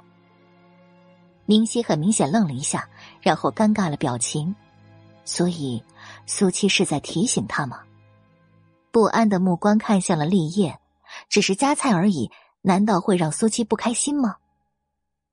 立业果然已经挑起了眉头。本集播讲完毕。第一百零一集，琪琪呀，宁熙姐姐是在京城的圣都大学做老师的，你也快高三了，到时候啊，让立业帮你安排去宁熙姐姐的学校读书，怎么样啊？老太太的声音打断苏七他们三人间的目光交流。虽然还有一段时间。但是他已经在替苏七未来打算了。苏七皮笑肉不笑，嗯，就不不用您费心了，而且我也不想离开我妈，去那么远的地方。老太太没有想到苏七会拒绝的这么果断，毕竟京城那样繁华的大城市，是多少人都趋之若鹜的。哎呦，现在还不急。以后啊，你要是改变想法了，一定要和奶奶说呀。苏七点了点头，然后又看向宁熙和立业。我倒是有些好奇了，这位姐姐不是家人吗？为什么姓宁啊？立业眼底一抹阴霾，他绝对不会无缘无故问出这样的问题的。不管苏七的目的到底是什么，已经很不礼貌了。宁熙的表情也直接僵硬了几分。在他听起来，这个问题根本就是在故意针对自己罢了。苏七却微微一笑，放下手里的筷子，故作天真：“怎么？难道不可以问吗？”苏七，当然是可以问的。因为我和厉家没有任何血缘关系，叶是我的救命恩人，在过去的几年里，我们情同一家人。立业想让苏七闭嘴，可是却被宁熙打断了。他依然温和着声音，主动和苏七解释着，温婉大气和苏七更是形成了鲜明的对比。西西说的对，我只有立业这一个孙子啊，有了西西，我也算是多了一个孙女儿。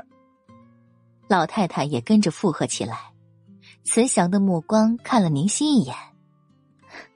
这样啊，那你和立业还真是有缘分呢。苏七很真诚的感叹一句：“原来是英雄救美的桥段呢。”搞清楚他们两个人之间真正的关系。继续若无其事的吃起饭来，明熙当然不知道苏七心里的想法，很自然的把他所有的行为都划分到了吃醋和针对的一方。不过，即便是这样，那又怎么样呢？就算他真的和立业订婚了，但是又怎么能比得上他们相处了这么多年的感情呢？而且从始至终，立业看这个丫头的眼神，除了冷漠就是冷漠了。一顿饭过去，苏七坐在沙发上打着饱嗝，他打算再跟老太太聊几句，然后就回去了。现在都已经十一点多了，他妈妈肯定还在家里等他呢。而且他今天也确实有些累了。嗯，奶奶，时间不早了，我就……老夫人有您的电话。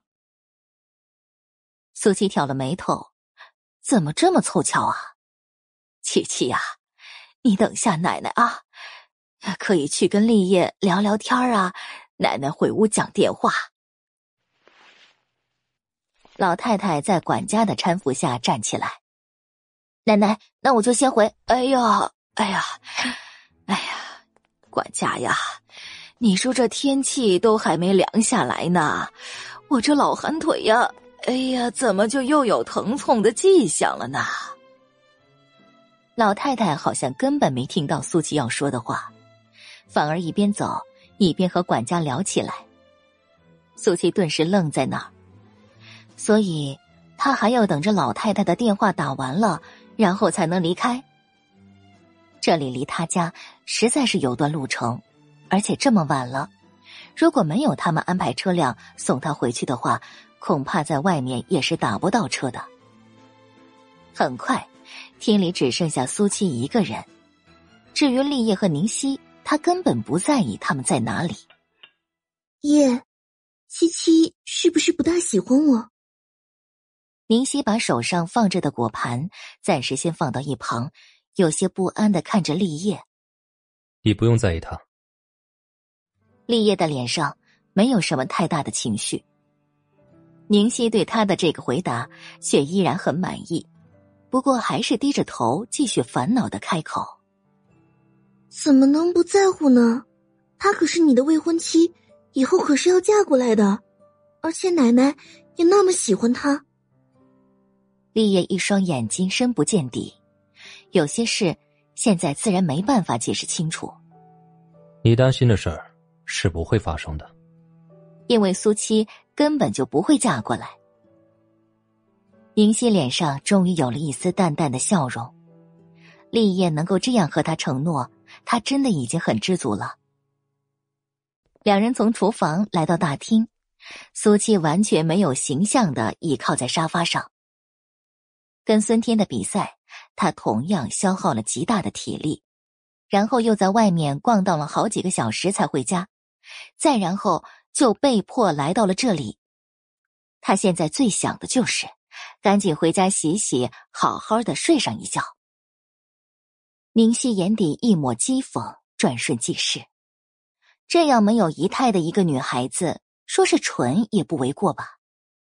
而且看她的穿着气质，也完全不像是有身份人家的孩子。苏七同样也看到两个人走过来，可是他丝毫没有起身的意思。喂，你安排司机送我回家。想到在搏击场被立业算计的事情，苏七的心里火气更盛了几分，说话的语气自然恶劣了不少。立业眉头紧皱。脸上很明显的多了一丝不悦和嫌弃，刚想开口说话，可是这个时候管家却从旁边走过来，径直靠近他，用只有他们两个人能听到的声音说着什么。立业的神色更是阴沉。管家说完之后，最快的速度离开。大厅里的气氛是说不出的压抑。苏七活动活动肩膀。慵懒着神色，终于站起身来，安排司机送我回去。刚刚的话继续重复一遍。可是他没有想到的是，立业竟然没有说话。苏七直直的看着他，到这儿还有什么值得犹豫的吗？宁心也同样疑惑了。叶，你怎么了？没有听到七七的话吗？你跟我过来。我有话跟你说。立业终于开了口，说完之后转身走出大厅，速度之快，实在让人揣摩不透他到底在想些什么。苏七两条眉毛拧成了麻花一样，犹豫一瞬，还是跟上立业的脚步。狗男人，事儿真多。宁熙独自一人站在厅里，看着他们一前一后的身影，目光闪烁。片刻之后，再次端起刚刚放在桌上的果盘。什么事？赶紧说。到了立业的房间，苏七马上不耐烦的开口。他可不认为他们之间还有什么话好说的。立业浑身上下仿佛都散发着一股冷漠气息，看着他的眼睛。今晚留下来。订阅评论别。第一百零二集。苏七的瞳孔剧烈收缩一瞬，看着他的眼神瞬间防备。狗男人怀疑他的身份，所以故意这么说试探他。你是不是吃错药了？我现在多一秒都不想看到你。一脸的嫌弃，郑重其事的告诉他。立业黑了脸，他就知道苏七不会答应，偏偏他还要因为奶奶。在这里受苏七的嘲讽，你以为我想要看见你吗？从小到大，没有人敢这样对他说话。就算他的自制力再好，但是这一刻也有些压不住怒火了。苏七一声冷哼：“哼，那就独自美丽，赶紧让司机送我回去。”立业咬紧牙齿，“滚”字。明明都已经到了嘴边了，可是却怎么都说不出了。不是我让你留下，是奶奶。足足沉默了十几秒，终于再次开口。苏七诧异一瞬，心里紧绷的那根弦瞬间放松了。所以，不是他故意留下他，想要试探他。那我去跟他说。奶奶已经给你家里打过电话了。说你今天晚上要留在这边过夜，你妈也已经答应了。立业阴沉着声音，他的家里人也是过于随意了。虽然订婚了，但是也不该随随便便就答应在男方家里过夜吧。苏七额头上直接冒出三条黑线。管家说有人打电话给老太太，是假的。老太太回屋里。给他妈妈打电话了。不对啊，我家里没电话。是大院警卫室那边。下一秒，立业便回答了他。苏七现在真的是杀人的心思都有了。强扭的瓜不甜，他怎么就不明白呢？立业脸色说不出的难看，直接让苏七闭嘴吧。他奶奶再怎么样。也轮不到他苏七在这里说三道四的，那我自己走。苏七的脾气也上来了，毫不示弱的怼了回去，而且怼完之后扭头就走。立业脸色阴沉如水，他是一定要搞得今晚人仰马翻吗？几乎是下意识，一把抓住他的胳膊，苏七竟然疼得倒吸了一口凉气。是下午跟孙天比赛的时候伤了胳膊，只是淤青，如果不碰也不会有太大的影响。可是立业却也是用了力气的，正好捏到了那个地方。立业微微一愣，显然没想到他会这样大的反应。你受伤了？询问的同时也放开了手。苏琪狠狠的瞪了他一眼，没有。他这是等着看着他的笑话呢。立业目光闪烁，视线落在苏七的胳膊上，似乎是在确定着什么。苏七马上放下手臂，还没等他再次迈步离开，宁熙却端着果盘出现在门口。爷，我送些水果给你们。他主动说着，然后就走进来。虽然他们在里面，可是房门是敞开着的。这让他很满意。不过，到了立业和苏七身边之后，他才发现似乎两人之间的气氛不对劲儿。不过他却聪明的闭口不提。叶，时间也不早了，七七是留下来，还是让管家收拾房间给他呢？不用，去收拾房间。宁熙看着他们两个截然相反的回答，仅仅犹豫一瞬，便点点头。那我现在就让管家把客房整理出来。说完之后，没有任何停留，走了出去。苏七脸上一片阴霾，视线从他的背影上很快收回。这个宁熙怎么回事？既然狗男人一而再、再而三的为难他。那他也没必要顾忌什么了。什么意思？立业确实不明白，他为什么会突然这么问。苏七双手抱在胸前，讥讽了神色。别以为我看不出来，你们两个从一开始那副眉来眼去的模样，所以你们是在搞地下情了。立业愣住了，他哪只眼睛看到他们眉来眼去了？其实大可不必，我已经想好了。你去跟你奶奶说，喜欢的女人是她。我看你奶奶也挺喜欢他的，这样一来，不可能。苏西的话都还没说完呢，立业便严肃着声音打断了他。竟然打的这种主意，亏他想得出来。怎么不可能？我想不出比这更好的理由了。苏七紧紧盯着他的脸。不放过他任何一丝细小的表情。立业表情从来没有过的认真。第一，奶奶不会相信；第二，我和宁熙也没有那种感情。他现在甚至在怀疑，他要么是想要气死他奶奶，要么就是想要故意败坏他的名声。你当我是瞎的？如果说第一点，素七还觉得或许有可能。但是他说的第二点，他可是一个字都不信。上一世的苏七阅人无数，是不是暧昧，还是能够分辨出来的。你确实想。立业竟然顺着他的话，更是让苏七火冒三丈。这狗男人气死他了。好啊，既然你不答应，那我在外面找个男人，这样总可以了吧？你敢？立业阴森了声音，就连房间里的温度都因为他的这句话而瞬间骤降。苏七，我不管你在外面做什么，但是，在我们这段关系没有结束之前，你的身份还是我的未婚妻。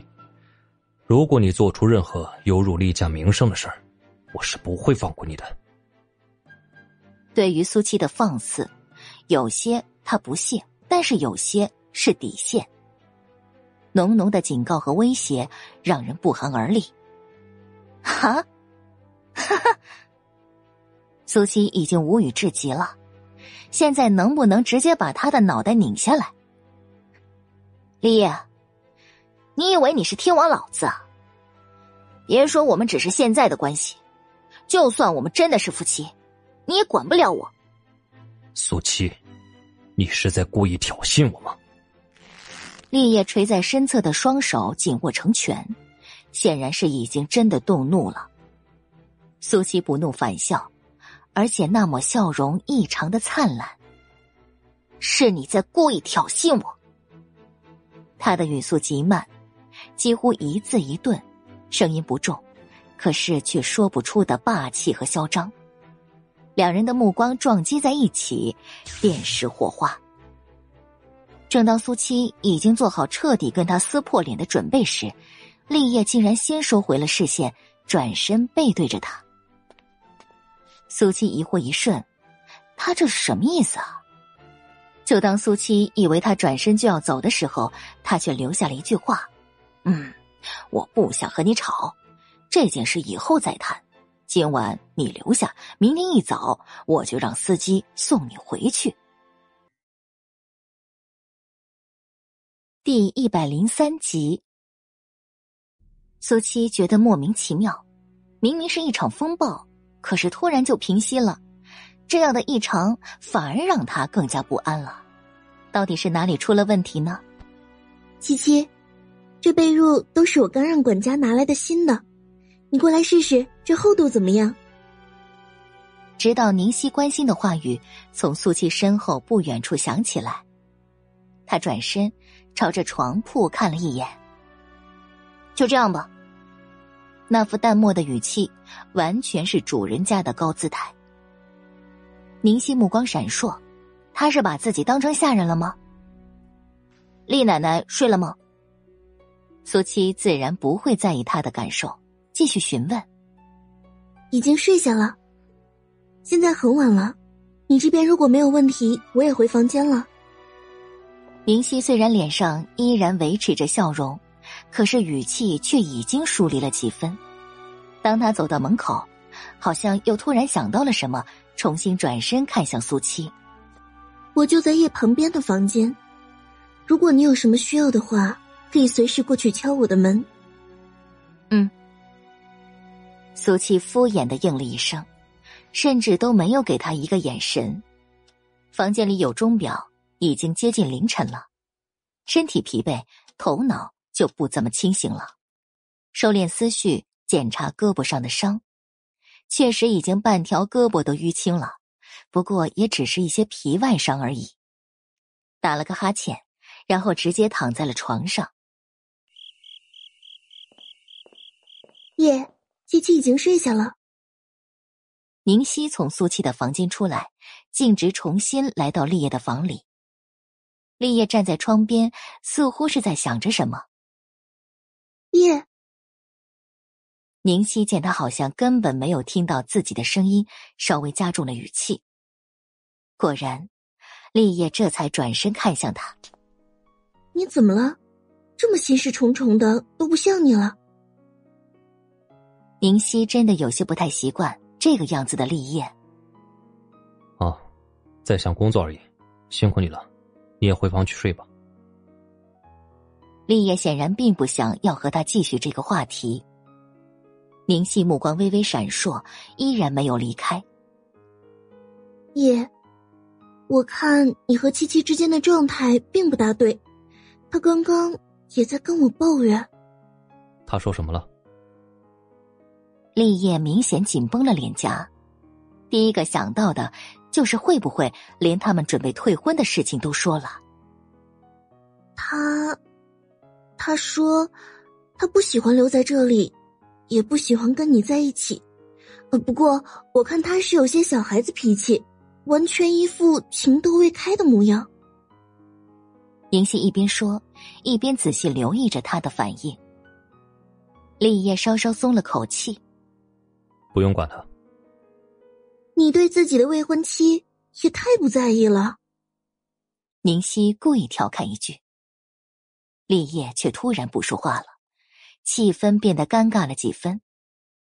正当宁熙沉不住气的时候，他的声音却又再次响起来：“宁熙，你说这个世界上会有另外一个世界存在吗？”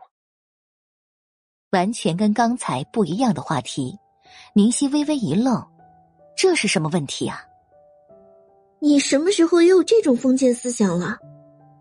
会审之后，直接就认为他说的是人死之后的世界。立业一双眼睛深不见底，一抹失望转瞬即逝。哦，随便说说而已。宁熙突然就感觉到了一股从他身上散发出来的疏离感。难道是他说错了什么吗？房间里鸦雀无声。那我回房间了。宁熙不知道该怎么继续聊下去，所以只能选择离开。好。翌日，苏七是被窗外的明媚阳光照醒的，竟然已经是上午的九点钟了。这一个晚上，他睡得倒是格外安稳。主要是这些日子全都睡在硬邦邦的炕上，已经许久没有体会过这么软和的床铺了，忍不住笑笑。看来他对生活品质的要求也实在是越来越低了。这个时候，外面传来一阵轻微的敲门声，苏琪过去打开房门，是管家，他手里拿着一套新的衣服站在外面。苏小姐，您起来了，这是老夫人吩咐给您送过来的。苏七瞥了一眼，然后伸手接过。您洗漱好了就可以去吃饭了，少爷已经吩咐过了，您吃过早饭就可以安排司机送您回去了。知道了。苏七漫不经心的应了一声，然后回去房间。衣服完全是他的尺码，款式也不夸张。洗漱过后换上衣服，整个人都清爽了不少。经过梳妆台的时候，他下意识的停下了脚步，看着镜子里的脸，认真端详起来。接手之后，细细看起来，似乎并没有想象中的那么糟糕。之前是因为严重的营养不良，所以才导致面黄肌瘦。经过这段时间的调养，似乎稍稍饱满了一些。鼻梁挺直，眼睛也很有灵气。虽然跟之前她倾国倾城的美貌比起来，确实还差了不少，但是现在的少女青春气息，最是难能可贵的。七七，你在里面吗？这时候，外面传来宁熙的声音：“我在。”苏七懒洋洋的回了一句，宁熙直接推门而入。我刚刚陪奶奶从后面花园逛了逛，刚回来，以为你还在睡觉呢。他说着来到苏七的身边，然后两个人的脸庞同时出现在镜中。床不错，就多睡了一会儿。苏七并没有离开的意思，透过镜子看着宁夕，宁夕扑哧一声笑起来。难道你家里的不是床铺吗？不是。苏七脸上的表情逐渐收敛，眼神更是认真。是错觉吗？为什么他突然觉得宁熙的这张脸跟前世的自己在某一个角度上竟然有那么几分相似？所以之前的那种熟悉感也是因为这样。宁熙察觉到苏七注视的目光，更是神采迸发。不管是容貌还是女人的风韵。他都是万中挑一的，特别现在他们两个一起比较，那宁熙便更是光彩夺目的。不睡床铺，你在家里睡什么呀？佯装无事，继续刚刚的话题。看啊！苏七转身，正面面对他。宁熙诧异一瞬，然后又恍然大悟：“啊，瞧我！”可能是在京城那边一直都是住宿舍的，竟然忘了这个。苏琪微微一笑，却有几分意味深长。是呢，那你住在什么地方？家里还有些什么人？是怎么跟叶认识的？宁夕夸张的一连三个问题，充满了好奇。你对我很感兴趣啊？苏琪一声反问，戏谑了神色。别走！第一百零四集，宁熙意识到苏七的探究，直接笑了起来。你是叶的未婚妻，以后可就是家人了。我当然想要多了解你一些了。回答的落落大方，在学校的时候，那些学生们可是都很喜欢他的，所以对于苏七，他完全不担心什么。你自己没有家人吗？正当宁熙以为苏七会回答他刚才的问题的时候，苏七却直接岔开了话题，而且还问出了让他最不想要提及的。脸上随和的微笑顿时僵住，苏七却很认真的等着他。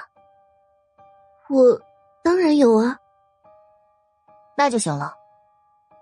我可没有随便在外面认亲的习惯。苏七甚至不等他话说完，扔出一句，然后走出房间。宁熙站在原地，看着苏七离开的身影，有一种热脸贴了人家冷屁股的挫败感。如果不是因为立业，他才不会在意他是谁呢。苏七径直到了餐厅，没想到老太太正在指挥着管家他们给他热早饭。哎呀！七七呀，昨晚睡得怎么样啊？啊，我特意吩咐了，不许他们吵你的。老太太看见苏七，顿时笑容满面，发自心底的高兴。啊，挺好的。苏七来到他身边，马上就有保姆替苏七拉开椅子。管家呀，把早饭都端上来吧。老太太一声令下，片刻之后，苏七看着满满一桌的饭菜，呆滞一瞬。早饭而已，有必要这么丰盛？老太太挨着他坐下，一双眼睛落在苏七的脸上，不舍得离开。七七，这些都是你一个人的啊，你多吃点啊。你们呢？苏七虽然觉得确实有些饿了，但是也绝对吃不了这么多的。哎，我们都已经吃过了，毕竟现在都九点半了。听老太太这么说，苏七也不客气，拿起筷子大口吃起来。七七呀，李爷说你吃了早饭就要回去了呀。老太太看着苏七吃的香甜，心里也欢喜。嗯，哎，那明天才上学呢，你可以再陪奶奶一天呐。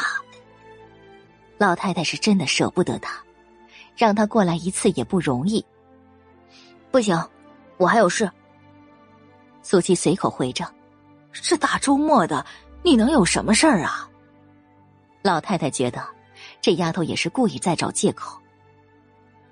我在书店打工，所以每天都很忙的。苏七故意这么告诉他，也是为以后不再过来找个理由。哎呀，打工啊！你这么小怎么能出去打工呢？是家里生活出了问题吗？你怎么不跟奶奶说呢？让他没想到的是，老太太一听说他打工，情绪竟然就激动起来。苏七心里叹了口气，然后放下筷子。奶奶，我已经十九岁了，总不能一直靠我妈一个人。以前是你妈妈一个人，但是你现在有奶奶了呀。老太太一脸急躁，苏琪看得出来，老太太是真的关心她，所以也就乖巧了不少。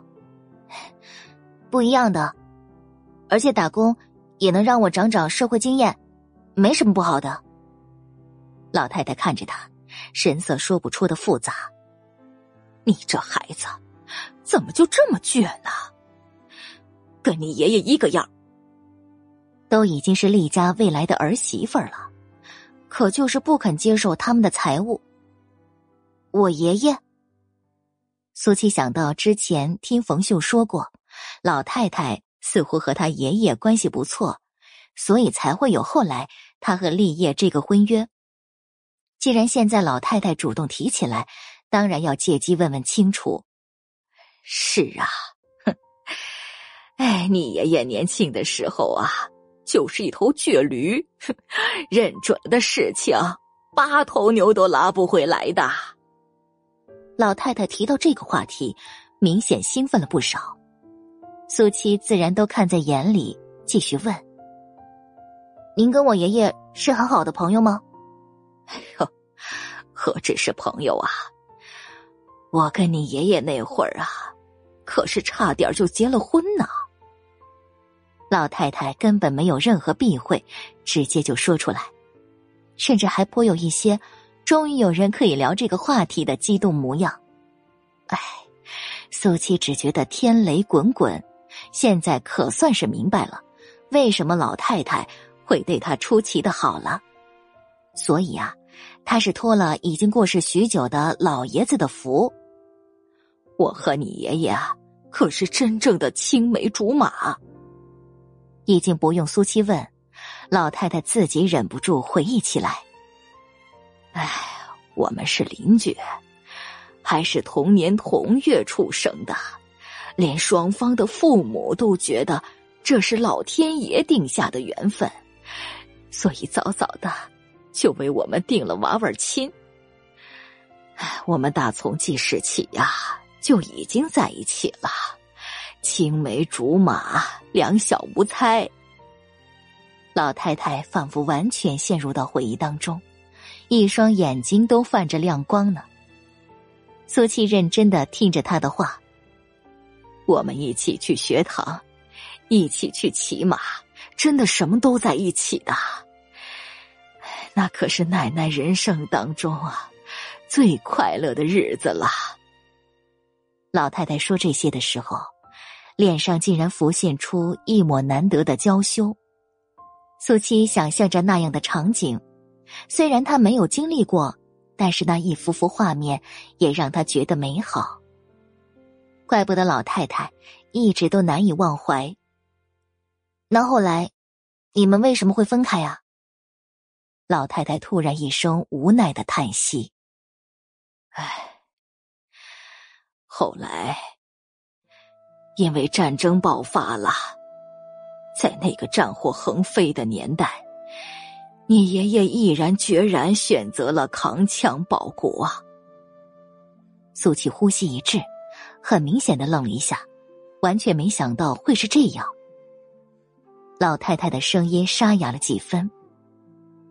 当时他做了那样的决定，我不怪他，因为这是每一个有骨气、有血性的男人。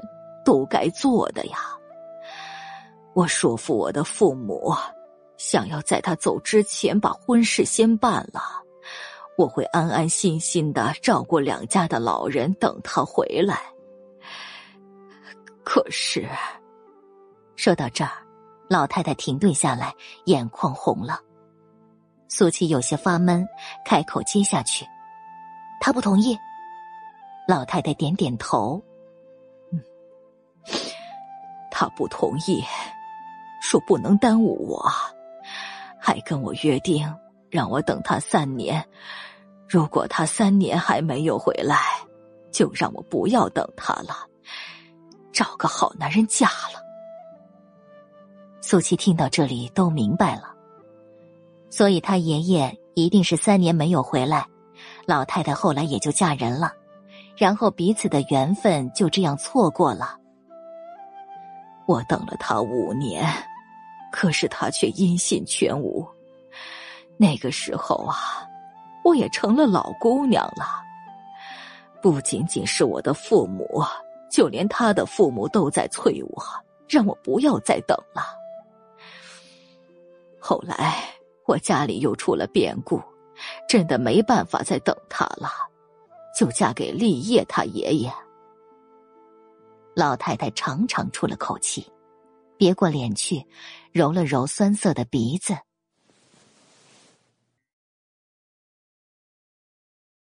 第一百零五集，你你还好吧？苏西没想到往事会让老太太这么心酸。都已经过去了这么久，一些不痛不痒安慰的话语。她也实在说不出。老太太重新回头，虽然还有些情绪不稳，但是已经没有了泪花。说到底，还是我和你爷爷有缘无分呐。我嫁人之后的第三年，你爷爷也终于回来了。那个时候，我刚生下立业他爸不久，再然后，你爷爷娶了你奶奶。我也随着立业爷爷去了外面发展，彼此之间就慢慢断了联系。那后来您是主动找到我们的？苏七终于问到了现在。是啊，你们也搬家了，我让立业找你们家，整整找了两年呢，直到你家里只剩下你和你妈相依为命，你爸下落不明。所以就马上跟你妈见面了。下落不明，我爸不是死了吗？苏七几乎瞬间抓住了重点，至少在他的记忆里，所有人，包括他妈告诉他的，都是他爸去参加抗洪，然后发生了意外去世了。老太太微微皱眉，看他的样子，是冯秀什么都没有跟他说吗？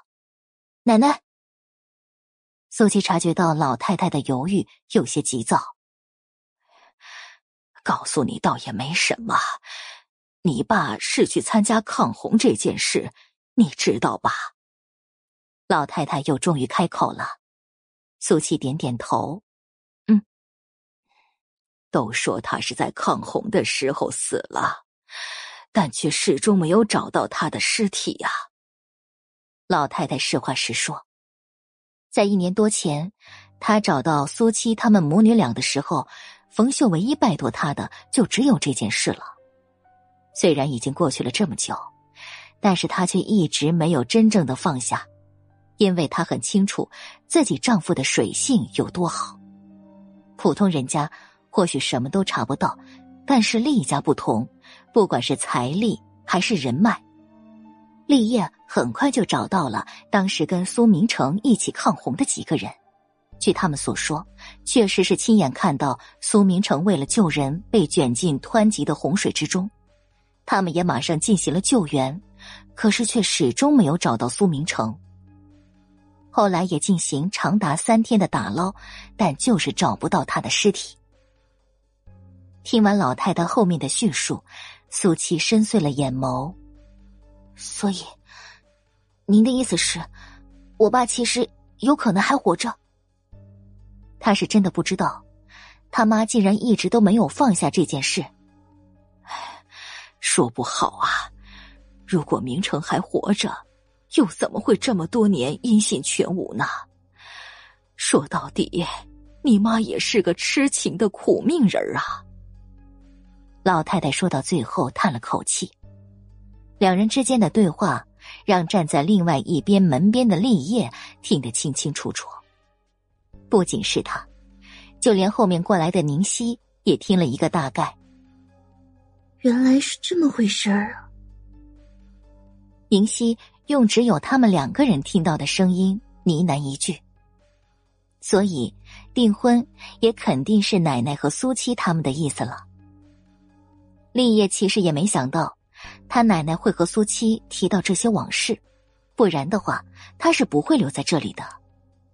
苏小姐。汤好了。这个时候，管家终于把热好的浓汤送到苏七的面前。老太太也回了神，年纪大了，就是话也多了。琪琪呀，你快点吃饭吧。苏七也并没有再继续追问，正如他所说的那样，一个都已经不见了十几年的人，生还的几率也很渺茫了。他拿起勺子继续吃饭。叶，我们要不要过去啊？另一边，宁熙催促着，实在不明白立业为什么要一直站在这里。等一下。立业的声音听起来似乎有些严肃，而且始终朝着餐厅的方向看着。宁熙微微皱眉，顺着他的目光，他到底要等什么？苏七搅了一下碗里的汤，然后慢慢的喝起来。老太太也不再说话，只是继续笑盈盈的看着他。片刻之后，苏七吃饱了，然后和老太太一起离开餐厅，去了前面的客厅。他们前脚才刚离开，立业马上就走了进来，宁熙则是紧随其后。少爷，您看。管家似乎知道他的来意。直接示意苏七刚刚喝完的汤碗，汤里的东西他几乎全都吃了，但是唯独把不多的几个青豆剩了出来。所以苏小姐是不喜欢吃青豆吗？立业的一双眼睛紧紧盯着碗里的青豆，目光不停的闪烁着。叶，怎么了吗？宁熙清清楚楚感觉到立业情绪的不稳定。没什么，但也仅仅只是一瞬，立业便又恢复了往常的神色，转身走了出去。宁熙询问的目光看向管家，管家摇摇头，他真的什么都不知道。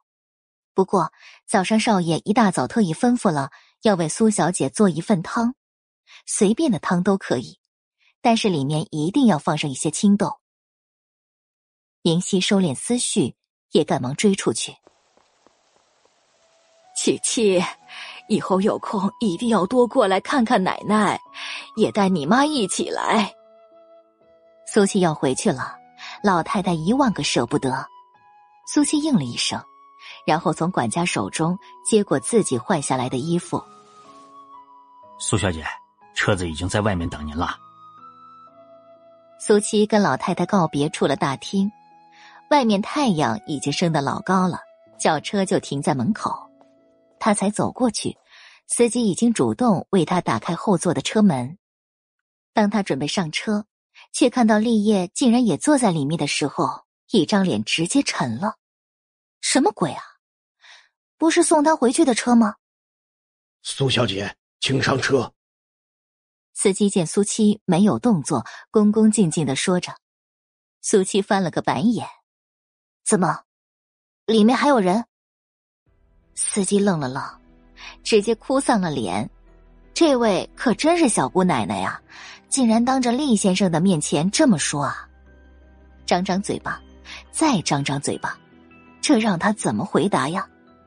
是，是厉先生。我又不瞎，这不是专门送我回去的车吗？苏七故意扯一嗓子，昨晚立业堵了他的话。司机脸上的肌肉抽了又抽，手心里已经全都是汗了。这个时候，车里的立业朝着他看过来，上车。苏七一动不动。我去办事儿，正好顺路。立业竟然主动的跟他解释一句，然后又递给司机一个眼神。司机还算机灵，赶忙把副驾驶的门打开了。苏小姐，要不您就坐在前面吧。第一百零六集，苏七犹豫一瞬，终于在司机迫切的目光下坐了上去。车子行驶的速度不快，很稳，苏七却清清楚楚的感觉到了后座上狗男人一直在凝视着他后脑勺的目光。难道他是想找机会暗杀他？眼神一厉，马上扭头看向他，果然。两人的视线半空中相遇，立业的眼中带着浓浓的敌意。苏琪心里冷哼一声：“哼，说吧，你又想做什么？”他才不会相信顺路这种鬼话，狗男人肯定是居心叵测。你为什么对我这么大的敌意？立业面无表情的开口：“难道不是彼此吗？”苏七回的理直气壮。这一次，立业竟然没有继续反驳他，而是选择了沉默。这一点就连苏七都意外了。听说前些日子你又惹事儿了。立业再次开口，直接岔开话题。苏七眼底一抹阴霾。没想到，你竟然这么关心我的事啊！如果他不想知道，就绝对不可能知道。所以。他在监视他。立业沉了口气，他分明没有任何恶意，但显然他又误会了。我说过，只要你还是我未婚妻这个身份。我也说过，我想做什么你管不着，也管不了。苏七不耐烦的打断他，接二连三的这么警告他，很有意思吗？苏七已经听得胆战心惊了。他也在立业身边工作了三年，还是第一次看到敢这样顶撞他的人。就算他是厉先生的未婚妻，也是在自讨苦吃吧。苏七，你以前可不是这个样子。可是让他没有想到的是，立业并没有大发雷霆，只是不咸不淡的冒出这么一句：“你以前跟我很熟吗？”苏七故意不接他的话茬。立业却突然勾起了唇角，眼角眉梢弯弯的。苏七还是第一次看到立业这样的笑容，不是冷笑，不是敷衍，而是发自心底的笑容。本来就已经过分优越的五官，在这样笑容的衬托下，更是让人痴迷。笑屁啊！苏七足足用了两秒钟回神，然后讥讽一句。可是心里却在暗暗的庆幸，还好他的定力极为不错的。你脑子不是不太好使，以前可是连看都不敢看我，做事情更是畏畏缩缩，从来都不会主动惹事儿。立业很认真的说着以前的他，然后不错过苏七脸上任何一个细小的表情变化。苏七心头一沉，如果他没有猜错的话，立业现在就是在试探他。难道他已经开始怀疑什么了吗？嗯，以前我脑子确实不好使，所以谁想欺负我就能欺负我。但是现在我好了。完全不想再忍受那些压迫了，难道这也不行吗？他并没有刻意躲避立业的目光，给出自己的解释。我听奶奶提到过，你妈妈曾经也带你去医院检查过，医生的结论是，你是因为受到了很大的刺激和严重的撞击，所以才会影响智力。没有经过治疗，怎么会突然就好了？立业的语气只是带着一丝探究。你说的这是什么话？我好了还不行？等等。苏七先被他气得够呛，然后却又意识到了什么，严肃了表情。你说我是因为受了刺激和撞击，所以才会变傻的？他只是有些模糊的记忆，似乎发生了什么很可怕的事情，但是撞击。又是怎么回事啊？你自己不知道？立业皱了眉头。苏琪刚才不是说病已经好了吗？我之前的记忆还是有些模糊的地方。你还知道什么？全都告诉我。苏七霸道的想让立业继续说下去，从他妈那里是什么都问不出的。立业目光闪烁，然后摇了摇头。我没有太关注过，不过如果你想知道，我可以帮你查一下。你会这么好心？苏七一脸的狐疑。从他上车到现在，他们两人的对话似乎他就已经很不对劲儿了，现在竟然还主动提出来要帮他。有什么条件？你说吧。这个世界上自然没有白欠的人情，特别对方还是这个男人。立业想了一下，我帮你查清楚，你要答应，在没有退婚成功之前，不管是在我奶奶面前，还是在其他人面前，都要配合我，什么事情都不能擅作主张。果然，苏七听他这样说，反而彻底放心了。好，我答应你。这两件事情在他这里根本就没有任何可比性。说完之后，他主动收回视线，看向车窗外急速倒退的风景，一双眼睛深不见底。如果真的是有人在害他的话，这个仇他会百倍奉还的。而此时此刻的立业又深深的看了他一眼，同样陷入沉思当中。苏七回到大院儿，先是跟门口的保安室确定，昨晚他妈有没有接到老太太的电话。得到肯定的回答之后，才回了家里。他妈妈依然还在上班，所以家里是没人的。坐在炕上休息一下，可是房顶却有什么东西掉下来。幸好苏琪反应异常的敏捷，飞快的避开，这才没有被砸到。是房梁顶上一块已经发霉的围席。他家的三间土坯房，好像还是他出生的前一年就盖上的。到现在已经差不多二十年了，没有直接倒塌，已经是很给面子了。苏姬看着四周已经看不出模样的墙面，再看看占据了大半个屋子的土炕，脑子里自动浮现出厉家的宽敞明亮。以前住在这样的环境里，是因为没有条件，但是现在不一样了。王大树家还回来的三百块。加上他昨天比赛赢的二百块，还有报社要结清的稿费，现在他手里的钱已经足够翻盖一处不错的新房了。这样一来，他妈也势必会辞去工地的工作，在家里监工了。苏七想到这里，马上就打定了主意：盖房子改善生活环境，一定要睡上软和的床铺。十分钟之后，他风风火火的出了大院。进来，老大，您找我。王昭走进立业的办公室。今天他过来的可是比平常要晚了许多，难道又是陪着宁小姐了？不过，这样是不是对未来大嫂不好啊？苏七，他才想到苏七，立业就正好提到了他，吓得王昭呼吸一颤，赶紧收敛神色。老，老大，您说什么？老大不会是会读心术吧？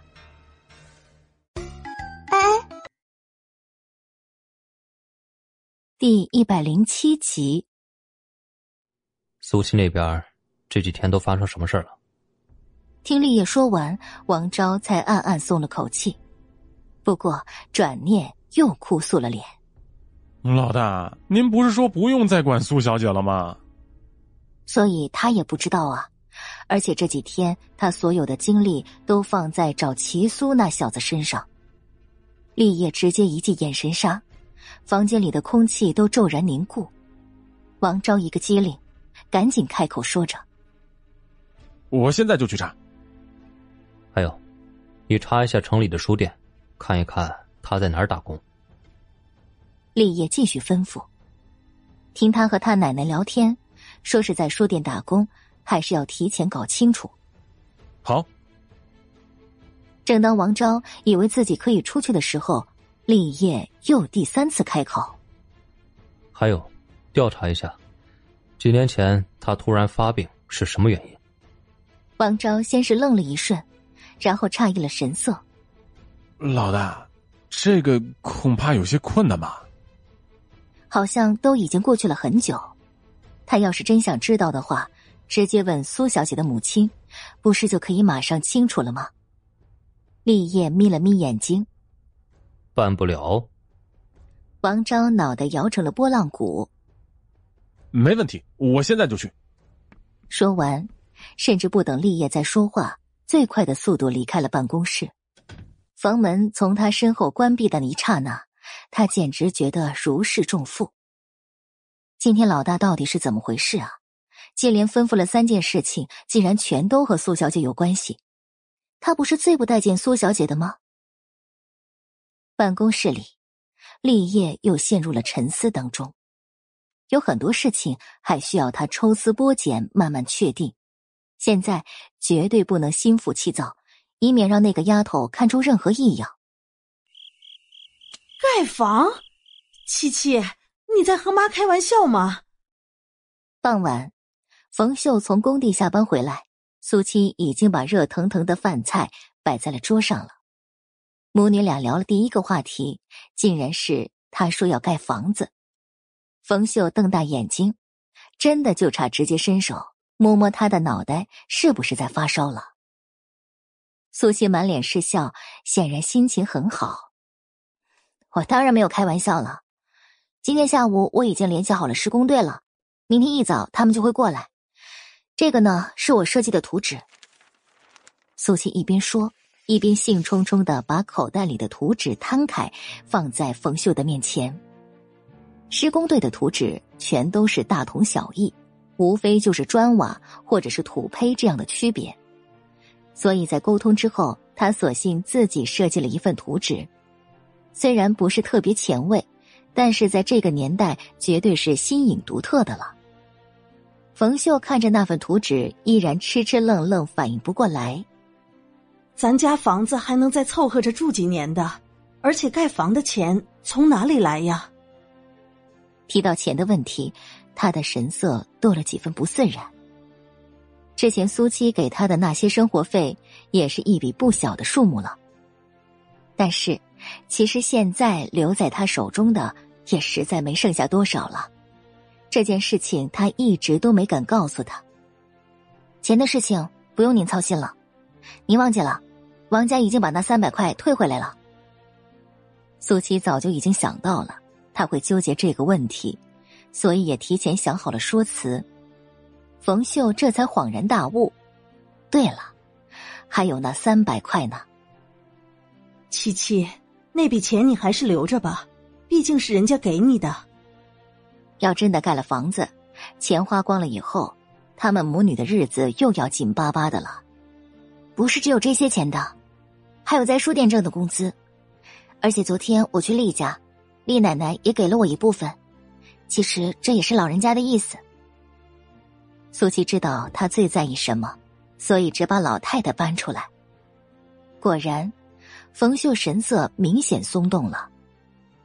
这是厉家奶奶说的。苏七点点头。是。冯秀紧绷的心弦总算是放松下来。如果真的是苏七无缘无故的想法，他会觉得担心的。所以老太太心善，肯定是看到他们母女住的房子这样破旧了，才会有了这种要帮他们盖房的想法吧。而且以后两家人早晚是要结亲的，要是让外面人知道了，他们母女还住着这样的房子。肯定会说厉家的闲话的，这样想想，似乎一切都挺合情合理的。七七，奶奶的一番心意，咱们该领的，但是咱们不能这样不劳而获。他们照顾你是应该的，可是妈不能总是占人家的便宜。冯秀还是拒绝，这可不是一件小事了。您说的这是什么话呢？而且也不是他们在照顾您，是我在照顾您。您是我在这个世界上唯一的亲人了，生我养我，难道我照顾你还不是应该的吗？苏七认真了表情，如果连自己的母亲都照顾不好，那活着还有什么意义？冯秀一时之间竟然无法反驳，心里当然是欢喜的，就是觉得不好要人家这么多钱的，而且今天下午我已经将前半部分的款项交给施工队了。所以，你要是不同意，这些钱咱们也拿不回来了。苏七见他还在犹犹豫豫，直接帮他做了选择。你这孩子，这么大的事情怎么就能私自做主了呢？你交了多少钱给人家？冯秀马上就急了，赶紧询问。我先给了一百块，然后再看进度结工钱。苏七其实撒了谎，钱确实是给了，但给的不是一百块。而是三百块。如果盖现在他们住的这种土坯房三间的话，两三百块就足够了，里面还能简单的刮白就可以住人了。但是他要的当然不是这种房子，而是最好的砖瓦檩条都要一等一的，还要超过现在房子一倍的房高，外墙还有院子都要按着他的图纸做出装饰。所以施工队的报价需要一千块左右。当时苏七听到这个数字，心里简直就是五味杂陈，因为对于以前的他来说，这点钱甚至连他一天挥霍的零头都不够的。钱不是一次性付的，而是分为三次，整个工期下来也要两个月左右。他搏击场那边还有四场比赛，也是足够的。盘算过后。他便当机立断答应下来，趁着现在天不冷不热，正好能赶在冬天来到之前搬进去。那盖整个房子需要多少钱？你不会让外面的人坑了吧？现在的冯秀可真是着急上火了。没有，我问了好几个地方，比过价格的，反正我们的钱是够的。这件事您就交给我，您只需要在家里盯工就好了。苏七笑呵呵的跟他保证，盖房的事板上钉钉了。本集播讲完毕，第一百零八集。夜深人静，可是冯秀却睡不着了，想着苏七晚上和他说的那些话，心里百感交集。这两个月以来，他觉得好像是做梦一样。不仅闺女的神智似乎恢复了，而且家里的生活也这样莫名其妙的改变了。家里要盖房子，这在以前是他连做梦都不敢想的。闺女说：“让他不要担心，全部都交给他，真的可以吗？”翌日，七七，施工队今天真的要过来。冯秀见苏七竟然连学都没有去上，终于意识到他说的盖房是真的定下来了。是啊，昨天不是都和您说了吗？苏七疑惑了神色，难道他像是开玩笑吗？冯秀紧绷了脊梁，虽然已经想了一个晚上，但还是觉得太随意了。盖房可是大事啊！苏七看了一眼时间，他和施工队约好了早上八点过来，现在已经是七点四十五分了。我去门口接人。说完，也不等冯秀反应过来，快速走了出去。有些事情还是要叮嘱一下他们的。冯秀不停的在院子里踱着步子，心情更是说不出的复杂。十分钟左右，苏七回来了，身边果然还跟着十几个男人。这就是我家了，这是我妈。进了院子，他主动介绍着。施工队的包工头看到冯秀，满脸的笑容。哈哈，东家，以后有什么要求可以直接跟我说。我们在城里已经盖了十几年的房子了，经验绝对丰富。冯秀被他一声“东家”叫得手足无措。僵硬的点点头，把苏七往旁边拽了拽。七七，这不行啊！房子拆了，这些日子咱们住哪儿啊？东家，这个你不用担心，咱们先起配房，配房起来之后呢，再拆正房。这段时间呀，就住在配房里。还没等苏七回答，包工头已经给出了解决方案。还要盖配房？冯秀惊愕了神色，家里只有他们娘俩，以后苏七要是嫁了人，就只剩下他一个了，根本不需要那么多房子的。是啊，你没看小东家设计的图纸吗？我们盖了这么多年的房子，哎，第一次遇到设计的这么漂亮的房子呀！包工头忍不住感叹一句：“还真是人不可貌相。”昨天苏七找到他的时候，他还一度觉得。这么年轻的一个小姑娘，怎么可能做主盖房这种大事呢？可是没想到，沟通之后，她竟然直接就拍板了，而且连图纸都是自己画的。现在看他们家的院子，也不像是什么有钱人家，奈何就是深藏不露啊！冯秀彻底懵了，他小心问着苏七，问他要不要再考虑一下。妈，这钱都已经给人家了。还考虑什么呀？苏七心情不错，脸上始终都带着一抹浅笑。那也不行啊！你跟我都不在家，您不是答应我，到了这个月底就不做了吗？今天都已经是二十六号了，该辞职了，踏踏实实的看着我们的新房子。苏七直接打断他的疑虑，一切他都已经做出了最好的安排。黄师傅，那您就开工吧。哎，好嘞，砖瓦昨天都已经定好了，下午就能全部送过来，咱们就开工大吉。黄师傅一边说，身边的工人们马上纷纷散开整理工具。冯秀完全没有任何反对的时间，事情就已经开始了。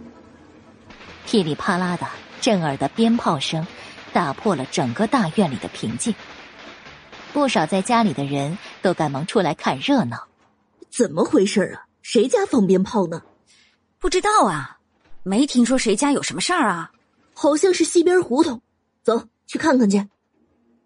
一时间，不少人都顺着鞭炮传来的方向走了过去。有腿快的，已经到了苏家门口。啊，盖房！一张张惊愕的面孔，仿佛听到的、看到的是多么让人无法接受的事情。苏家今天要盖房了，刚刚的鞭炮就是开工才放的。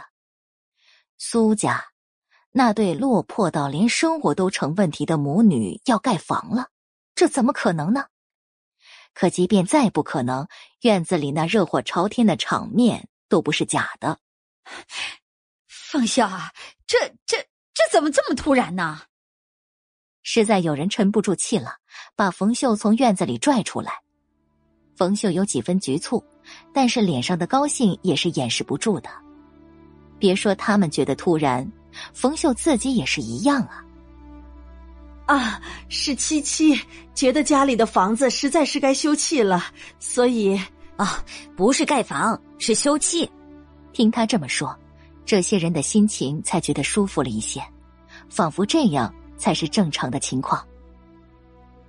冯秀扯扯嘴角，是盖房，就随便整整。他都不知道最后到底会成什么样子，即便苏七已经给他看过了图纸，可他没看懂也是真的。啊啊，原来是随便整整啊！不过还是恭喜啊，恭喜恭喜啊，恭喜啊！胡同里一片拧巴的恭喜声。苏七在院子里帮忙指挥，时不时的扭头看一眼院门口的冯秀，见他们聊的似乎还算是开心。所以也没有出去打断。大院里的这些人什么样子，他比任何人都清楚。雪中送炭的，对他家还真没有。不过锦上添花，不少人倒是乐此不疲。没出一个上午，整个大院几乎就没有人不知道苏家要盖房子了。就连中午下班回家吃饭的周国松，都听媳妇儿念起来：“这不是太奇怪了吗？”他们家哪来那么多钱呢？这个问题俨然已经成为所有人心里的疑团。虽然现在只是刚刚动工，不知道他家到底要盖什么样的房子，但是随便三间土坯房也要两三百块了。周国松一边吃饭一边开口：“王大树坑他家的钱，不是已经还回去吗？”“哎呀，你没明白我的意思，那钱。”他们母女又从哪儿来的？他媳妇儿皱着眉头，怎么都想不通。哎呀，管人家那么多做什么呀？过好我们自己的日子就行了。周国松回答不出，但是他实在不想去在意这些。要万一钱来路不明呢？你可是这个大院的领导，闹出了事情，你也是会受影响的。他媳妇儿忍不住提醒着。周国松微微一愣，没那么严重吧？而且，要真的是钱的来路不正，那对母女能这么高调的盖房子？第一百零九集，夜，我听说今天电影院上了一场不错的电影，我们下午去看吗？宁熙来之前已经特意问过王昭了。下午，立业没有什么重要的工作，我就不去了。几点场？我让司机送你过去。立业并不喜欢看电影，所以对他的这个提议也不太感兴趣。宁熙失望了表情，他一个人去有什么意思啊？这个时候，外面敲门声响起，进来。老大，宁小姐。王昭走进来之后，跟两人同时打了招呼，然后看向立业。老大，你昨天让我调查的事情，宁熙，你去帮我沏一杯茶吧。立业竟然打断他的话，找借口让宁熙出去。不仅宁熙很明显的愣了一下，就连王昭都诧异了神色。之前不管说什么，他可从来都没有介意这位宁小姐的，今天这是怎么了？宁熙也马上回神，得体的微微一笑。好。很快，房门关闭，只剩下立业和王昭两个人。说吧。立业开口，王昭这才继续说下去。这些日子，苏小姐很安分，什么事情都没发生。不过，学校那边已经确定，周五还有周六两天的运动会，苏小姐会参加三项比赛，还有下个月十五号。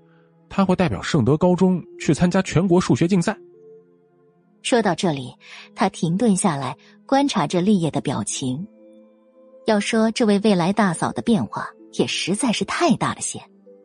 从几个月前的痴痴傻傻、姥姥不疼舅舅不爱，突然就变成学校老师里的香饽饽。所以他到底是怎么做到的？立业目光深邃，没有说话。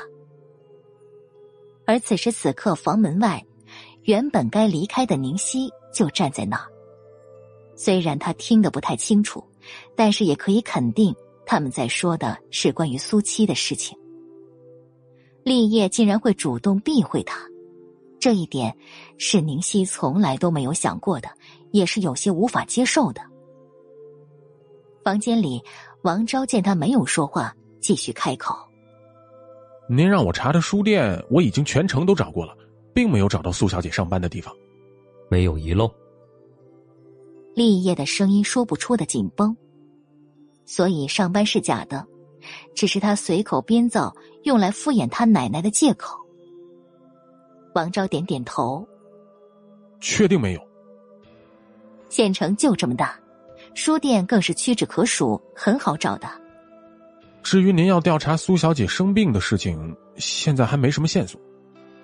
毕竟也是过去好几年的事情了。短暂的寂静之后，立业终于开口：“继续查。”是。王昭答应一声，就准备出去了。不过，好像又突然想到了什么。老大，还有一件事。前天周末，苏小姐从您家回去之后，昨天竟然开始请了施工队伍，要翻盖她家的房子了。翻盖房子？就连立业听了都诧异了神色。他家的情况他很了解，他哪里来的那么多钱呢？是啊，而且动静搞得挺大的。王昭本来还以为盖房这事儿可能是老大出钱授意的，毕竟怎么说。苏七也是厉家未过门的媳妇儿，可是现在看来并不是。我知道了，你继续留意他那边的动静，随时向我汇报。立业现在心情说不出的复杂，发生在苏七身上的事情越是反常，才能越接近他心中的期望。但那明明是一个美好的幻想，真的可以成真吗？文章，等一下。王昭从立业办公室出来没多一会儿，就被端着茶杯走回来的宁熙叫住了。宁小姐，有事吗？没什么重要的事情，只是想问问你，知不知道七七平常喜欢些什么？我想买一份礼物送给她，但是又不太了解她喜欢些什么。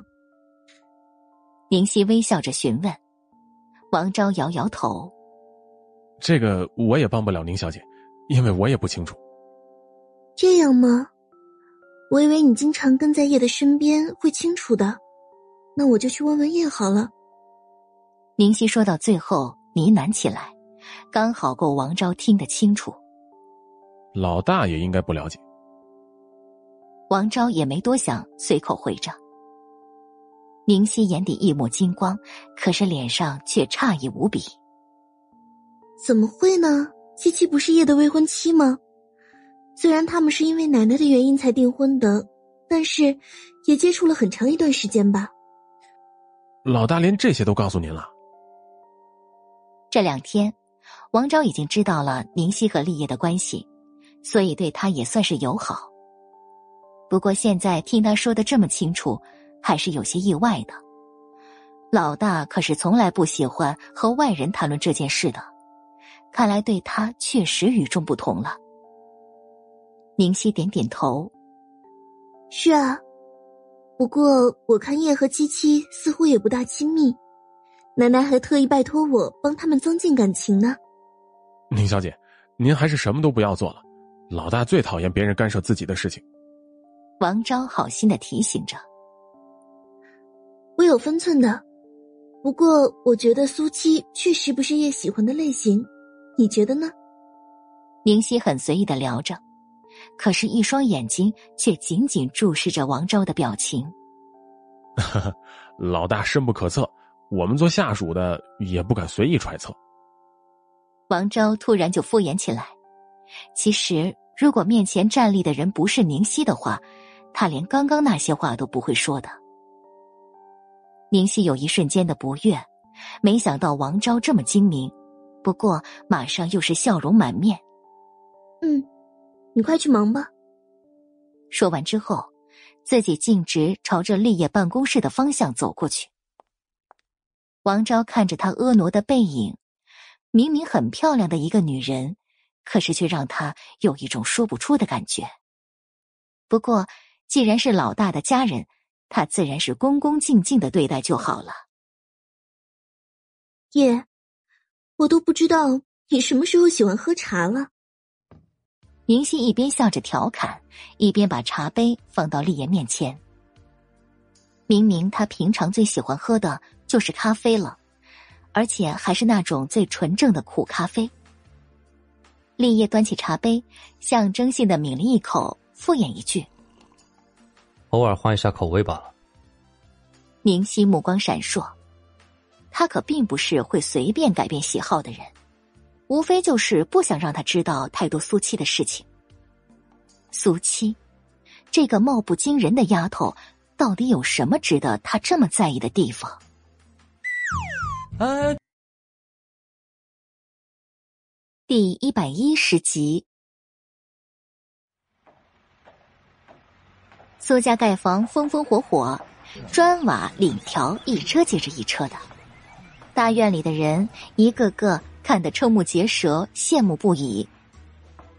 明明之前说的只是随便整整，但现在。可是看不出半点随便的意思。这几天，苏家的门口几乎都站满了看热闹的街坊们，时不时的就主动和冯秀聊聊天，有能搭上手的地方也绝对不含糊。配房盖起来的速度也挺快，才仅仅四五天就已经出来整体的框架。冯秀果然直接辞掉了工地上的工作，苏七是要去上学的。而家里盖房子这样大的事情，总是要有个人盯工的。虽然忙碌，但是他却觉得日子过得无比舒心。特别是身边那一张张灿烂的笑脸，仿佛又回到了十七八年前他家没有落魄的时候。冯秀，哎，我怎么看你家的配房要比咱们的正房要高出许多了呢？有眼尖的街坊直接就看出了端倪。而且，这才仅仅只是配房而已，正房的话肯定要比配房还要高一些的。这都是七七跟人家师傅沟通的，我也不清楚啊。冯秀实话实说，他身边的女人们面面相觑，房子盖得越高，需要的钱也就越多啊。哎，冯秀啊，你家苏七最近好像病好了，竟然连盖房这样大的事情。都能让那丫头做主了。冯秀点了点头，然后又摇了摇头。虽然苏七的改变是肉眼可见的，但是有时候言谈举止还是不太正常的。到底说还是你有福气，一下子盖这么多的房子，也得花不少钱吧？提到这个话题，所有人的耳朵全都竖起来。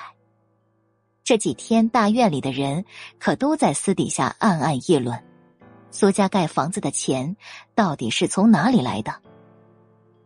冯秀微微一愣，脸上的表情僵硬了几分。他也不是傻子，当然知道他们在想些什么。可是订婚这件事情，在结婚之前并不打算对外公开，而且苏七也一再的叮嘱过他。但是如果不说，那钱的来历，自然也就解释不清了。七七最近在外面打工，嗯，这个我们也知道啊。他在小书店里给人打工，一个月那能有几个钱呢？还没等他的话说完，旁边的人就已经忍不住开始质疑了。冯秀有些心虚的低垂下眼帘。七七没细说，我也就没细问。几个女人见他这样支支吾吾的，更是各种想法了。反正他们绝对不相信苏七那个傻丫头会突然有了这么大的本事。这个时候，前院的王大树家的大门打开了，王大树媳妇儿和王壮从里面走出来。苏家越是风风光光，就越显得他们家落魄和讽刺。母子二人僵硬一瞬，脸色一个比一个难看，然后狠狠的瞪了冯秀一眼，便扬长而去。哎，都听说了吧？王大叔的案子啊，再过几天就要开庭了呢。开庭就开庭呗，他也算是自作自受，竟然能想到用一个破玻璃镯子来敲诈勒索冯秀，这下王大叔肯定会被判个大牢了。几个女人完全不避讳冯秀议论着，可是冯秀却已经心惊胆战了。跟王家做了这么多年的邻居，他们一家人是个什么脾气秉性，他还是挺清楚的。奈何自己也劝不了闺女，所以也只能走一步看一步了。圣德高中体育课上，老师不停的叮嘱着明天要参加运动会的同学们。苏七懒洋洋的站在旁边，丢出一只耳朵给他，思绪却是已经飘出了十万八千里了。现在“女王”这个笔名也算是小有名气了，要不要借着这股东风乘胜追击？虽然与恶同行已经签给了《城市日报》，但是只要他想，马上就可以有与善同行、与罪同行。苏七，你听到了吗？突然响起的体育老师的询问，打断了苏七的思绪。啊，你说什么？苏七确实没有听到。四周一片哄笑，不过敢这么无视老师的，恐怕也只有苏七一个人了。体育老师一脸的无奈，但是也并没有发作。毕竟明天的运动会，他还指望着苏七能够取得好成绩呢。女生组的接力赛。你是最后一棒，没问题吧？耐着性子又重复一遍，没问题。苏七答应的异常爽快。站在女生队伍里的吴香香眼底一抹不屑，转瞬即逝。这些日子，苏七在班里可是风光的不得了，体育老师和数学老师都对苏七刮目相看。不过，乌鸦始终是乌鸦，永远都不会变成凤凰的。体育老师得了苏七的肯定，满意的拍拍巴掌，吸引所有人的注意力。期待明天大家的表现啊！哎，阿峰，听说明天的运动会你还要参加男女混合的一千二百米。学生会里，方宇听到这件事之后，兴冲冲的跟张峰调侃着。虽然学校明令禁止学生谈恋爱。但是给张峰送情书的女生没有一千也有八百了。现在他要跑男女混合，不知道又有多少女生趋之若鹜了。张峰看他一脸坏笑的样子，完全知道他脑子里想什么，手里的报纸直接就朝着他扔过去。你的想象力怎么就那么丰富呢？一场比赛而已，而且还真不是他自己想要参加的。怎么是我想象力丰富了？是你太受欢迎了。咱们学校这么多的漂亮女同学，你也没必要一定非刘家不可吧？虽然他什么都没说，但是作为他的死党，方宇觉得还是非常了解张峰的。自从刘家出事之后，他整个人都闷闷不乐的，都数不清楚私底下到底去看过人家多少次了。张峰马上严肃了表情：“你胡说什么？”我跟刘家不是那种关系，哎，怎么不是？以前你们两人可是形影不离的，你还处处的护着他。本来你们在一起也挺好的，但是啊，现在他都已经神志不清了，你呀，还是放弃吧。方宇语重心长的为他着想。张峰彻底无语了，懒得搭理他，起身走到窗边，想要透透气。却正好看见不远处双手插在裤兜里的苏七，漫不经心的朝着他们这边的方向走了。第一百一十一集。自从那次谈话之后，苏七和张峰就再没有单独见面过了。但是这些日子以来，他的名字俨然成了所有学生们口中谈论的对象。不仅仅要参加明天的运动会，甚至就连参加全国数学竞赛的名额都给了他苏七。阿峰，你看什么呢？方宇见张峰站在窗边一动不动，也伸长了脖子朝着外面看着。啊，那不是苏七吗？张峰这才收敛视线。苏七啊，苏七最近可是风光的很啊！我知道你不待见他，不过也还是不要表现的太明显了。方宇忍不住的提醒着他，他毕竟是学生会的会长，太刻意的表现出针对一个学生实在不好。我才没有。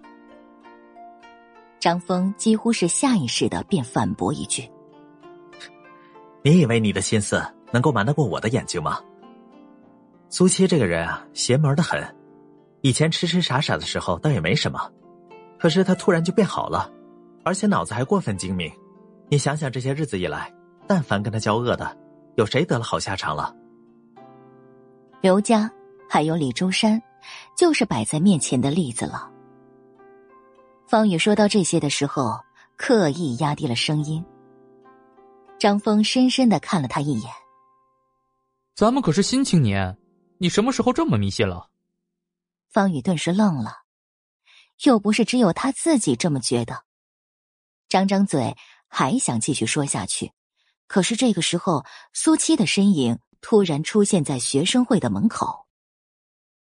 他完全没有想到苏七会过来这里的，有些心虚的闭上了嘴巴。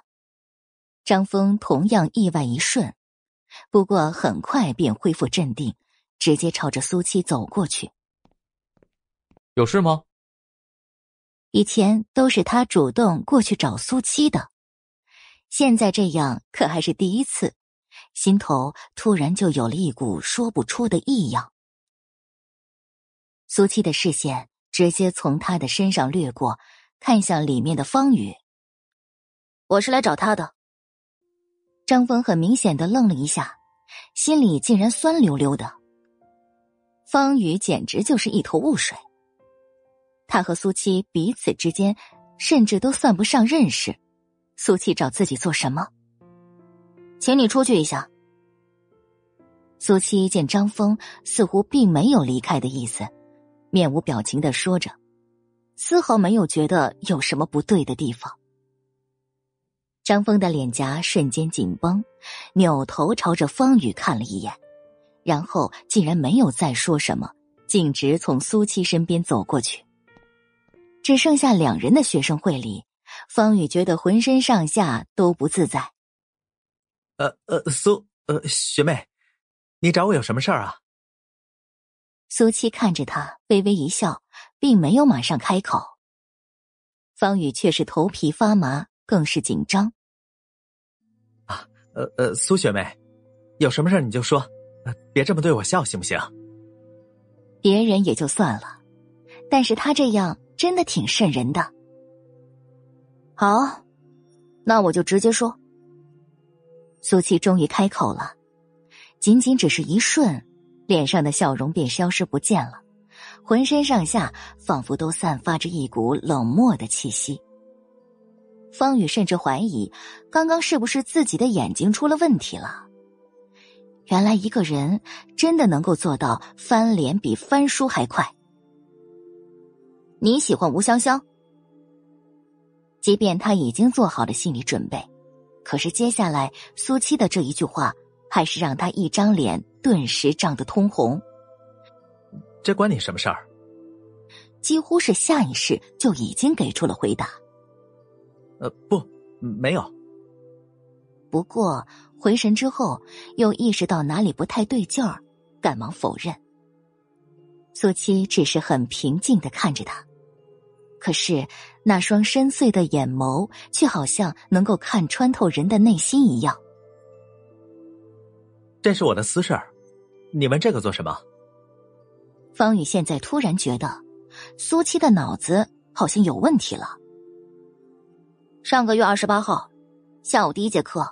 下课之后，你曾经到过我们班。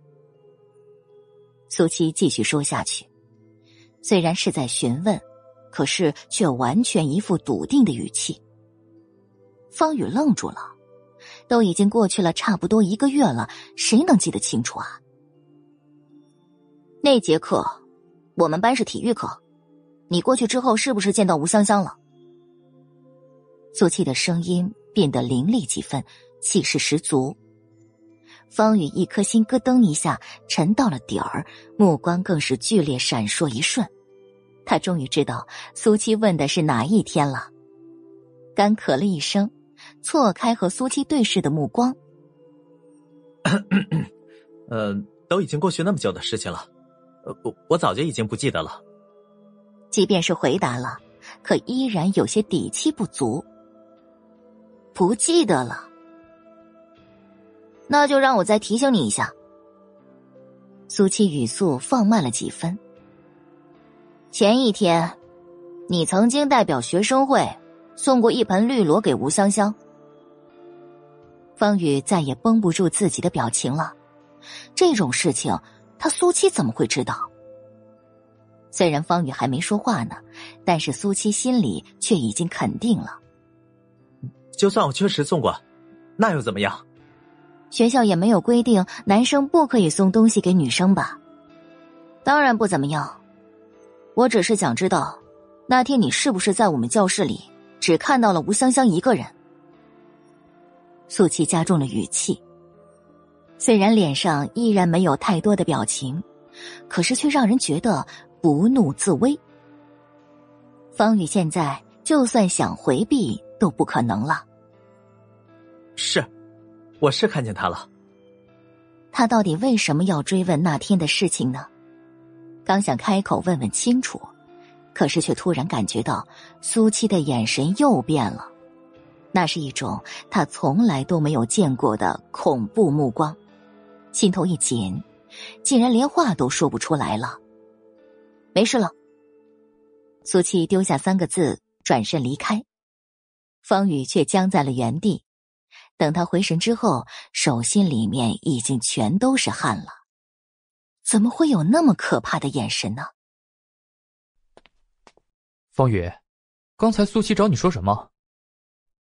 张峰已经重新回来，马上跟方宇询问。事实上，他刚才根本就没有离开，只是在外面走廊里等着。苏七走的时候，那副生人勿近的冷酷模样，明显是有事发生。方宇哭丧着脸，冲着他摇了摇头。唉，我说不知道，你相信吗？谁说他脑袋正常了？他简直就是莫名其妙。没头没脑的问他几个问题，然后还那个样子。张峰质疑了神色，显然是不相信。你们到底聊了什么？他问我，嗯。说到这里。方宇又突然停下来，有些难以启齿。总不能告诉张峰，他其实是在暗恋香香学妹吧？张峰正竖直了耳朵，等着他继续说下去。哎呀，没什么，就是随便聊了两句而已。可是让他没想到的是，方宇竟然话锋一转，根本不提了。订阅评论。第一百一十二集，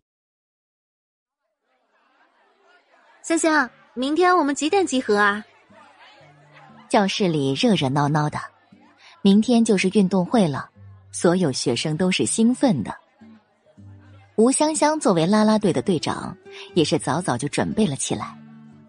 七点，我已经跟学生会那边打好招呼，我们先去那里集合换衣服，然后再去赛场。你们也去通知一下其他人吧。好的，没问题。几个女生纷纷答应，然后很快散开。班长，你放心吧，明天有你们加油打气，我们一定会取得好成绩的。旁边的同学信誓旦旦跟吴香香保证，脸上还掩饰不住的欢喜。吴香香这样才貌双全的女孩子。真的是太多情窦初开的小男生心里暗恋的对象了，可是，偏偏他已经不止一次明确的公开表示过了，在考入大学之前是绝对不会谈恋爱的。嗯，你们要好好努力哦。吴香香温柔着语气，甜美又可人。教室里的男生因为他的这句话，全都变得兴奋的不得了。这个时候，苏七从外面走进来，所有情绪顿时戛然而止。苏七依然是那副面无表情的模样，只不过在经过吴香香的时候，脚步微微停顿。苏七同学有什么事吗？吴香香友好的开口问着。苏七看着他的一双眼睛深不见底，没有说话，可是却又仿佛说了千言万语。吴香香挑了一下眉头，还想继续问，可是他却已经走了过去。切，真是太没礼貌了！马上，旁边就有人看不过去了，冲着苏七讥讽一句。吴香香却是对着他摇了摇头，好像丝毫不在意。没关系的，大家都是同学，要好好相处。班长，你说的对。我们不跟没素质的人计较。苏七在自己的位置上坐下，阴沉的视线始终落在吴香香的身上。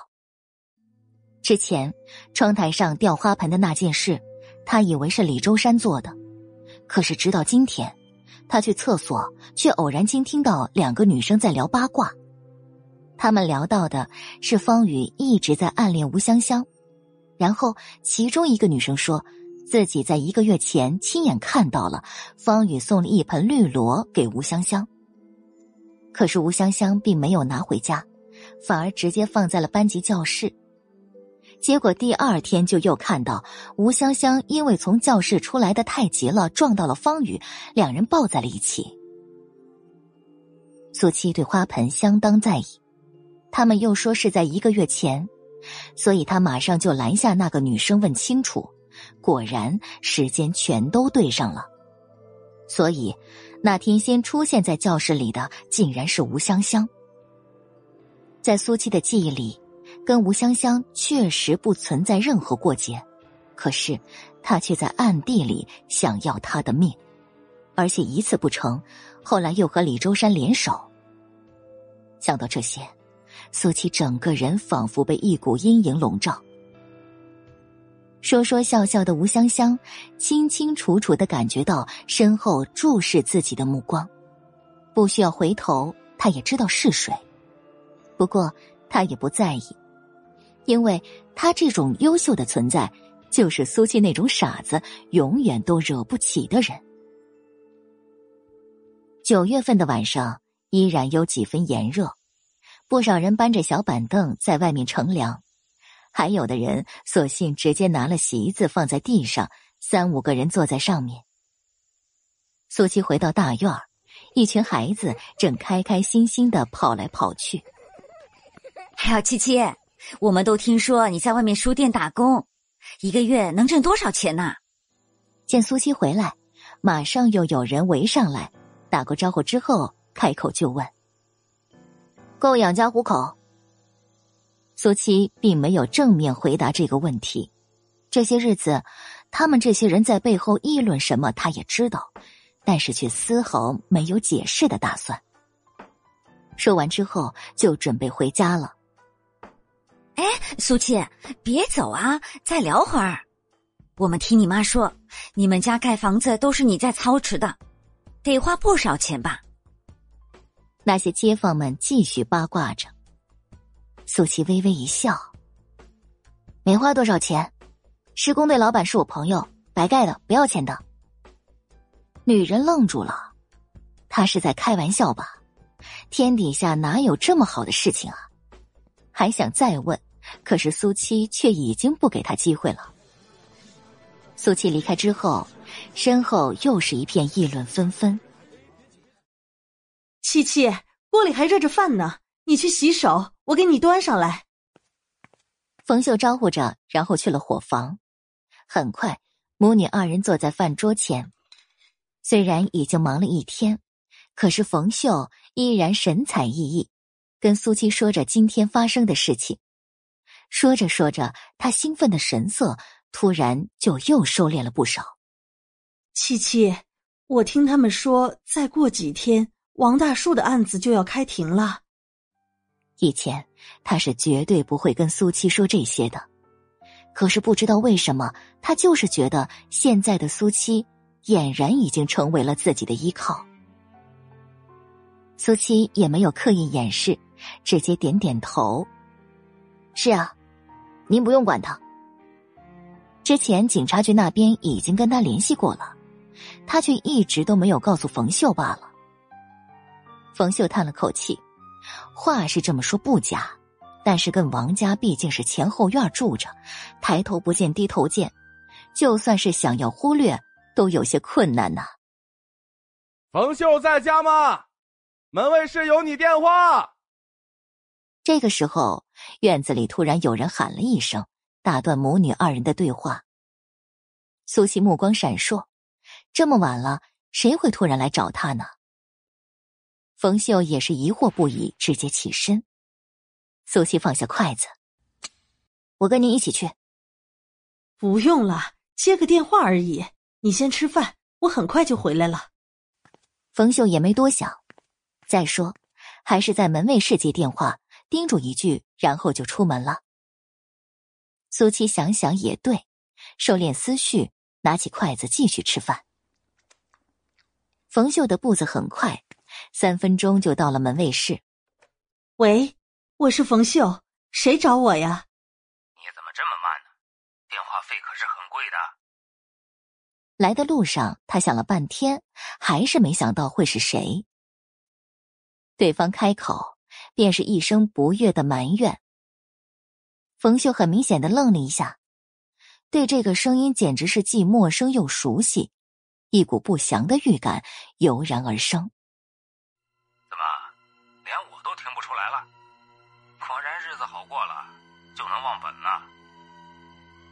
男人的话里充满了讥讽，依然没有说出自己的名字。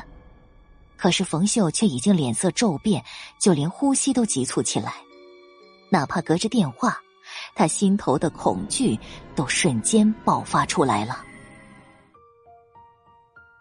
订阅评论，别忘记，精彩故事再继续，我们下集见。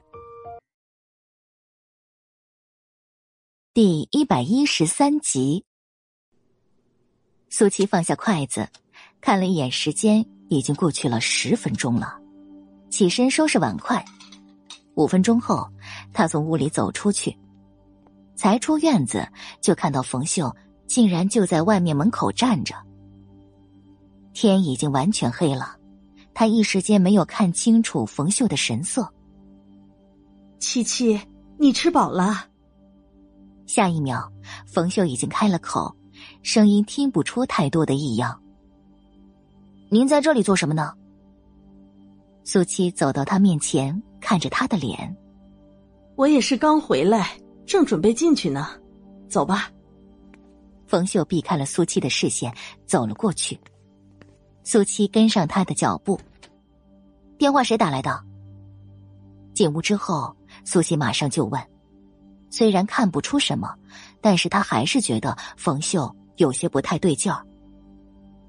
哦，是工地上的小头头，也没什么大事儿，就问问我。为什么突然就不做了？冯秀没有任何停顿，就告诉了他。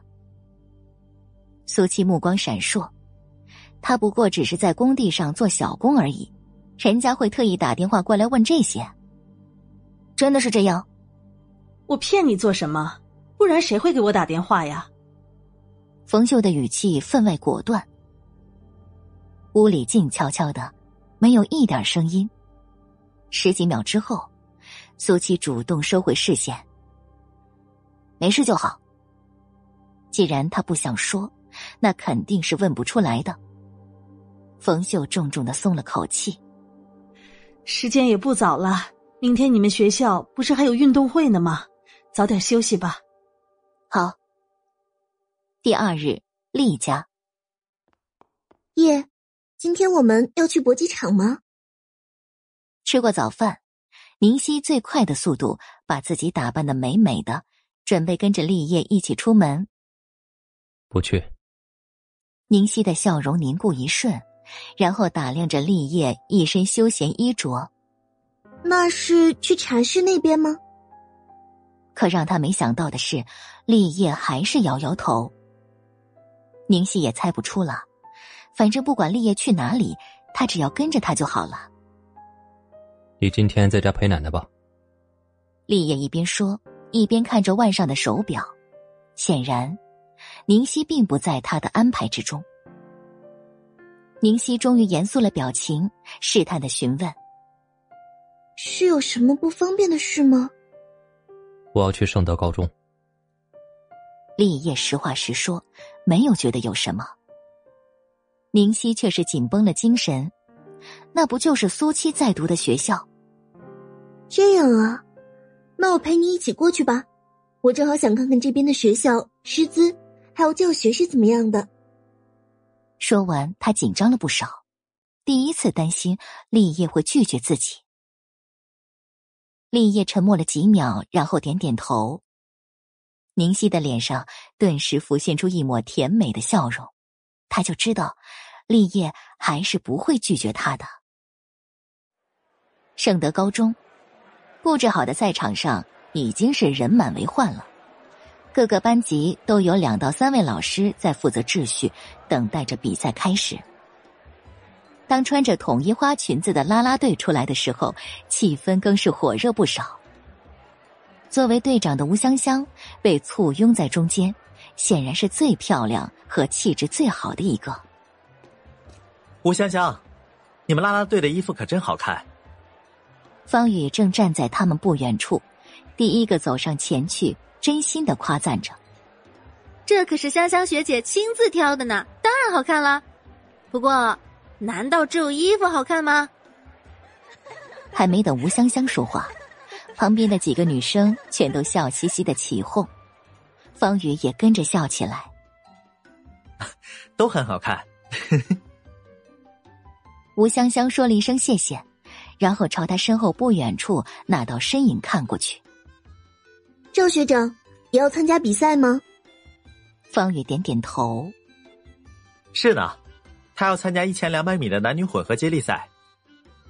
吴香香很快便收回视线。那我们一定会替他好好加油的。方宇刚想接话，可是却正好看到人群外的苏七，想到昨天他跟自己的对话，心情就抑郁了几分。香香，你跟苏七熟不熟？莫名的就有些担心他了。吴香香没想到他会突然改变了话题。我是他的班长，不过也说不上熟不熟悉。你怎么会这么问呢？看他若无其事的样子，方宇心里暗暗的松了口气。或许是他自己想的太多了吧。啊，没什么。呃，那边还有点事，我先过去了啊。既然已经打完了招呼，那他也该去忙自己的事情了。香香，方宇学长是不是喜欢你啊？其中一个跟吴香香关系很好的女生忍不住调侃着。吴香香俏脸一红：“怎么可能啊？”方宇虽然也很出色，但是跟张峰比起来，还是要稍逊一筹的，特别是两人的家庭条件上。想到这里，吴香香的目光再次寻找着张峰的身影，然后就看到他正在朝另外一个方向走过去。不可否认，一身运动服的张峰更有一种说不出的魅力，而且学生会长的身份已经给他无形中添加了一道光环。这样出色的男生啊！等等，他过去的方向，为什么苏七会出现在那里呢？吴香香眼底的欢喜和憧憬马上消失的荡然无存，阴沉了脸颊。而张峰已经走到苏七面前，苏七正坐在不知道从哪里找来的椅子上，悠闲而放松。看到有人，漫不经心的抬了一下眼皮。张峰神色复杂，竟然犹豫一瞬才开口：“苏七，今天你有比赛，怎么没穿运动服啊？甚至连鞋子都是他平时穿的，根本不适合跑起来。”苏琪翻了一个白眼：“你很闲吗？没事就过来找他晦气。”张峰眉头紧皱，他果然永远都是这么一副让人讨厌的样子。切，我是来提醒你的，而且我们今天还有一场混合接力赛，你是想要拖整个队的后腿吗？不然他才懒得管苏七呢。苏七愣了愣，什么混合接力赛啊？他怎么都不知道？张峰看到他这样的表情，似乎意识到了什么。你不知道吗？我需要知道。苏七一声反问：“没人通知他，所以就是没有。”张峰严肃了表情，参赛的名额都是提前就安排好的，他要是缺席了，那他们这队可就少了一磅了。当然需要，我们这一队少哪个都不行。张峰有些急躁的加重了语气，这句话就是对苏七一个人说的，因为别人没他这么不靠谱的。周围的杂乱好像一下子全都被按了暂停键，一双双眼睛更是齐刷刷的朝着他们两个看过来。爆点击，快订阅，精第一百一十四集。什么情况？张峰学长为什么会和苏七说出这样的话？所有人都既好奇又八卦，还震惊了。本来张峰没有多想什么，但是这诡异的气氛还是让他想多了。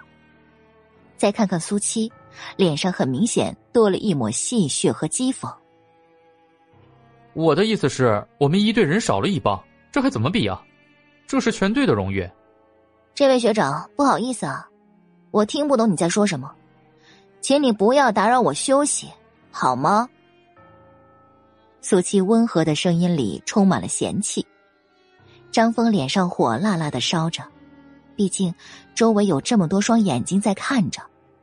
虽然不知道是哪里出了问题，但苏七应该是真的没有收到通知的。好啊，那你等着我。说完之后，转身就走。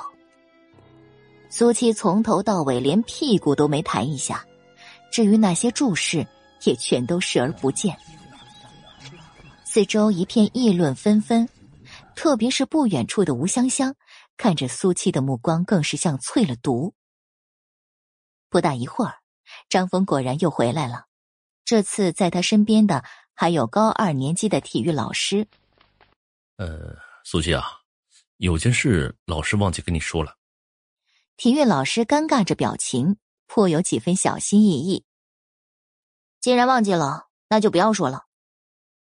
苏七语气不重，可是却带着说不出的霸道。不用开口，他也知道了，应该是真的又额外的给他安排了比赛任务，而且还是和张峰一组的。体育老师紧张的吞咽着唾沫，本来就忙得晕头转向，现在更是一身的汗水。他们这组可是学校非常看好的一组，如果苏七不答应的话，又能让谁补上去啊？呃，苏七啊，这次呢是老师的失误，忘记告诉你了，只是多了一场而已，你就答应了吧。体育老师耐着性子跟苏七商量着，如果换成其他学生的话，也根本不用这么费劲儿的。苏七平静的看着他。其实他早就已经觉得不对劲儿了，只不过是学校自己组织的一场运动会而已，学生们谁愿意参加就谁参加好了。可是他们却煞费苦心，连苏七的刻意为难都不在意，现在又是这样的情况。苏七，你不会还让我把校长请过来亲自跟你说吧？体育老师见苏七似乎没什么反应，实在是没了办法。张峰神色无比复杂，他还是第一次看到这么不给老师颜面的学生，怎么能这么有恃无恐啊？旁边看热闹的学生几乎跟他的想法都是一样的，看着苏七的眼神全都变了不少。苏七伸了个懒腰，然后稍稍坐直了身子。哎，哎呀，老师啊，真的不是我故意端架子啊！你看我这单薄的身子，你再看看我这两条小细腿儿，我是有自知之明的。参加三场比赛已经是我体力的极限了，如果多加一场，我到时候肯定会体力不支的。如果输了比赛，大家也都会不开心的吧？嗯，体育老师嘴角抽了抽，苏七的意思他是清清楚楚的听明白了。那现在事情就麻烦了。老师，我们这边怎么办啊？张峰也没想到会是这样的局面。他了解苏七这个人的，现在他已经这样表明态度，强迫他参加，他甚至有可能会故意输掉比赛的。苏七就是这么一个随心所欲、任性到了极致的人。别急，别急，我来想想办法。体育老师这句话完全就是说给自己听的。看看张峰，再看看苏七，不停的在心里权衡着几场比赛的重要性。足足犹豫了五分钟，终于拿定了主意。那苏七啊，你说只能参加三场比赛，那个人的四百米就不用参加了，把一千二的男女混合团体参加了，可以吗？这届运动会搞得比往年都要隆重，甚至邀请了报社的记者过来做专题报道的。而男女混合的一千二百米接力赛，则是要作为一个重要的拍照项目，所以。才要做到最精彩。说完之后，他紧张的等着苏七的回复。那好吧，我没意见。这次苏七答应的还算爽快，体育老师心里总算是松了口气了。那你先好好休息，有事儿再找我。说完之后，他赶紧离开，生怕晚上一秒苏七就会反悔。这个学生实在不是他能搞定的范围。虽然他离开了，但是张峰却没有。你还有事？苏琪看张峰竟然还盯着自己，有些烦了。你跟我过来。张峰有些别扭的开了口。苏琪直接甩出两个字：“不去。”张峰勉强按下心头的尴尬。是真的有事，难道还让我拉你吗？苏七正好看到吴香香朝着他们这边走过来，视线一顿，然后终于从椅子上站起来。走吧。张峰干咳一声，在一众目光的注视下迈开脚步。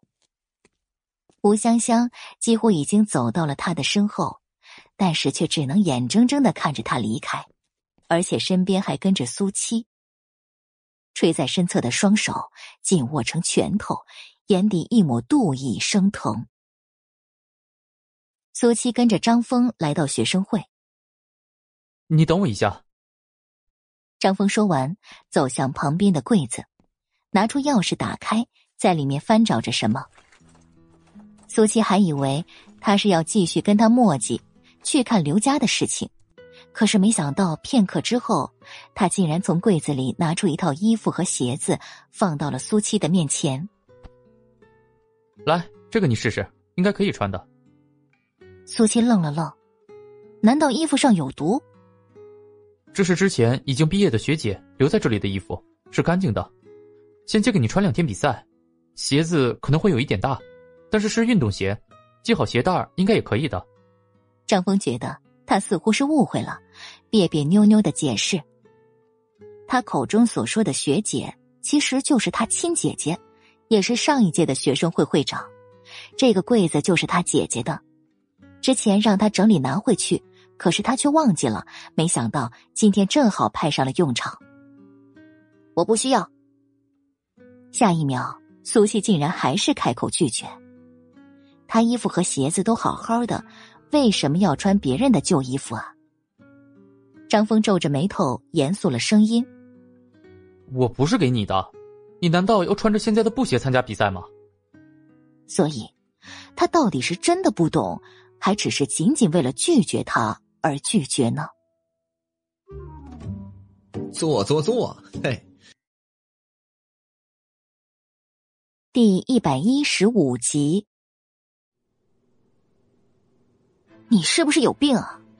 我穿什么比赛跟你有什么关系啊？而且你又怎么知道布鞋就不能比赛呢？苏七的耐心到了极限，直接甩了冷脸给张峰。张峰还从来没有遇到过这么不留情面的女生呢，而且他的初衷还是为了她好，难道苏七都没有心的吗？当看到苏七就这么准备离开的时候，几乎是下意识的伸手拉住了苏七的手腕。还没等到张峰回神，苏七已经反手扣住了他，然后就是一阵天旋地转，一百八十度的翻转，张峰被狠狠的摔在了地上，脑袋都是懵的。第二次了，这已经是第二次他被苏七这样过肩摔了。身上的疼痛却伴随着心里一股说不出的感觉。苏七低垂着眼皮，看着张峰的狼狈，嘴角竟然多了一抹浅笑，哼，自作自受。张峰见惯了苏七的讥笑，轻蔑的笑、愤怒的笑都见过，可却是第一次看到他现在这样的笑容，眉眼弯弯的，似乎终于有了几分真心的愉悦。欺负了他，就能让他苏七这么开心。不过也仅仅只是片刻，苏七又恢复了往常的冷漠，甚至没有再说一句话，扬长而去。张峰躺在地上，突然就有些想不起来了。学长，你没事吧？突然一阵急促而关心的询问在门口响起，他终于回了神，从地上站起来。与此同时，吴香香已经最快的速度来到他面前，上上下下的打量。学长，发生什么事了？吴香香心情抑郁至极，她本来不想过来的，但还是按耐不住。刚好，还正好从这里出去的苏七跟他遇上了，谁都没有看谁一眼。然后他进来，就看到张峰竟然倒在地上。啊我没事。张峰的声音有些僵硬，不过却没有任何不悦或者是愤怒的情绪。真的没事吗？吴香香恨不得扒开他的衣服看一看。张峰主动活动着胳膊，虽然还是有些疼，但的确没有什么大碍。真的没事，不小心滑倒了而已。吴香香目光闪烁。好端端的怎么会滑倒啊？分明是他自己不想说罢了。你怎么过来了？有事吗？张峰反问回去，岔开话题。吴香香一时语塞，总不能说是因为妒忌他们两个人单独在一起吧？我晃动的视线落在不远处椅子上放着的衣服和鞋子上。那是谁啊？一看就是女生的，学生会里怎么会有这种东西呢？他的一颗心顿时沉下去。张峰干咳一声，径直走过去，把它们拿起来，重新放回到柜子里。这是一位学姐留下来的，我我整理一下。吴香香马上想到，被他叫来这里的苏七，难道？不会的，他们都知道，学长可是最讨厌苏七了。之前他和苏七也发生过那么多不愉快的事情。运动会快开始了，咱们也过去吧。张峰催促着。吴香香心里有千言万语，但是脸上却始终没有表现出太多，乖巧的点了点头。伴随着广播室里音乐声停下。所有学生也都已经按照班级列队列好了，要有开幕式，校长讲话，然后才是运动会开始。一双双眼睛齐刷刷的朝着正前方的讲台看过去。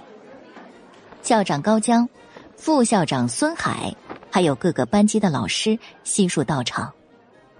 当苏西看到跟在高江身边出来的那两道身影的时候，整个人都不好了。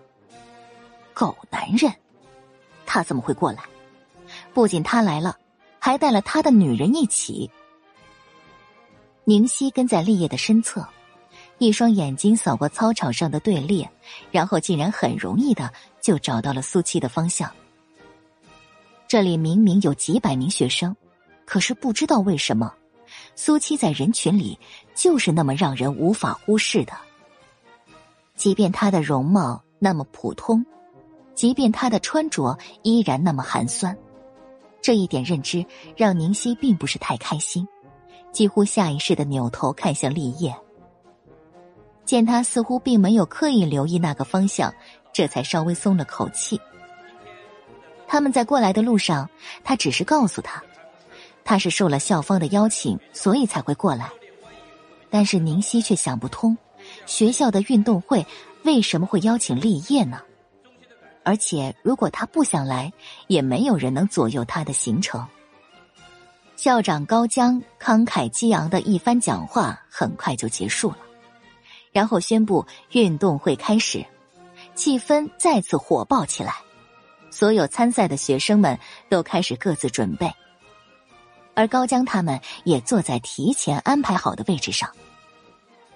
四周还是有不少眼睛朝着立业和宁熙两个人打量。这里百分之九十九的都是学生，认识他们的人真不多。在暗自疑惑他们身份的同时，还是被他们两个人的颜值和气质惊艳到了。金童玉女，大抵就是这样了。耶，我刚才看到七七了，他也要参加比赛吗？宁熙似乎也被气氛感染，兴奋的跟立业询问。好像有参加。立业并没有给他肯定的回答。是参加的。而且还有三场。这个时候，坐在两人旁边的高江主动开口：“三场。”明熙诧异了神色，看着苏七的身子那么单薄，没想到他竟的真的会参加，而且还是三场。七七他行吗？不过毕竟是友谊第一，比赛第二的。他话里话外。都透着一股苏七参赛重在参与的意思。高江却是笑呵呵的，只是看着立业。苏七可是费了我们一番心思才答应的，你们今天可以多期待一下他的表现嘛。他对那丫头有一种莫名的看好，所以也提醒着立业。毕竟立业过来的目的，除了看这个苏七丫头。他也实在想不出其他的了。立业深邃了眼眸，看向不远处人群里独立站立的苏七。他确实想要亲眼看看，苏七到底能做到什么样的地步。宁溪微微蹙眉，高校长说的这些话，很明显是话里有话的。难道苏七还能取得什么好成绩吗？叶，我都不知道。七七运动很好吗？他继续开口试探。立业收敛视线，然后面无表情的开口：“我也不知道。”明熙眼底一抹笑意转瞬即逝，显然对他的回答还是很满意的。此时此刻，赛道旁边已经有啦啦队在开始加油打气，活跃气氛了。本来第一场就是苏七要参加女生组的个人四百米，但是刚刚她的这一场已经被临时取消了，所以不用上场。抬起头看向那一排座位，清冷的目光直接落在了立业的身上。本集播讲完毕，第一百一十六集。现在的苏七不得不怀疑，立业的突然出现就是为了过来抓他的把柄，所以接下来的比赛，他到底是该故意隐藏自己输掉，还是大大方方该怎么样就怎么样呢？想得太入神，以至于后面有人靠近他撞到他之后，他才收敛思绪。撞他的是一个高三的女生，非但没有一丝歉意，反而还直接一声冷哼。苏七淡淡的瞥他一眼，没有说话，也没有发作。在这个学校里，看他苏七不顺眼的人实在是太多了，苏七没必要在这种场合发作，特别是狗男人也在。哎，苏七啊，快跟我过来！等一会儿啊，你就要上个人八百米了。体育老师急匆匆的在人群里找到苏七，然后赶紧示意。比起其他参赛的同学，苏七绝对是最让他不放心的一个。苏七点点头，跟在体育老师的身侧。很快，他们来到赛道旁边，已经有十几个女生在做热身准备了。苏七站在他们旁边，绝对是最消瘦的存在。苏七啊，别紧张，只要把你平时的实力展现出来就好了。体育老师忍不住叮嘱着他：“虽然实力重要，但是心态也很重要。而且自从确定了让他参赛，他竟然一次都没有好好训练过，所以他现在的心情说不紧张是不可能的。”知道了。苏七心不在焉的应了一句，对于旁边几个人的打量，完全没有放在心里。你怎么穿着布鞋过来的？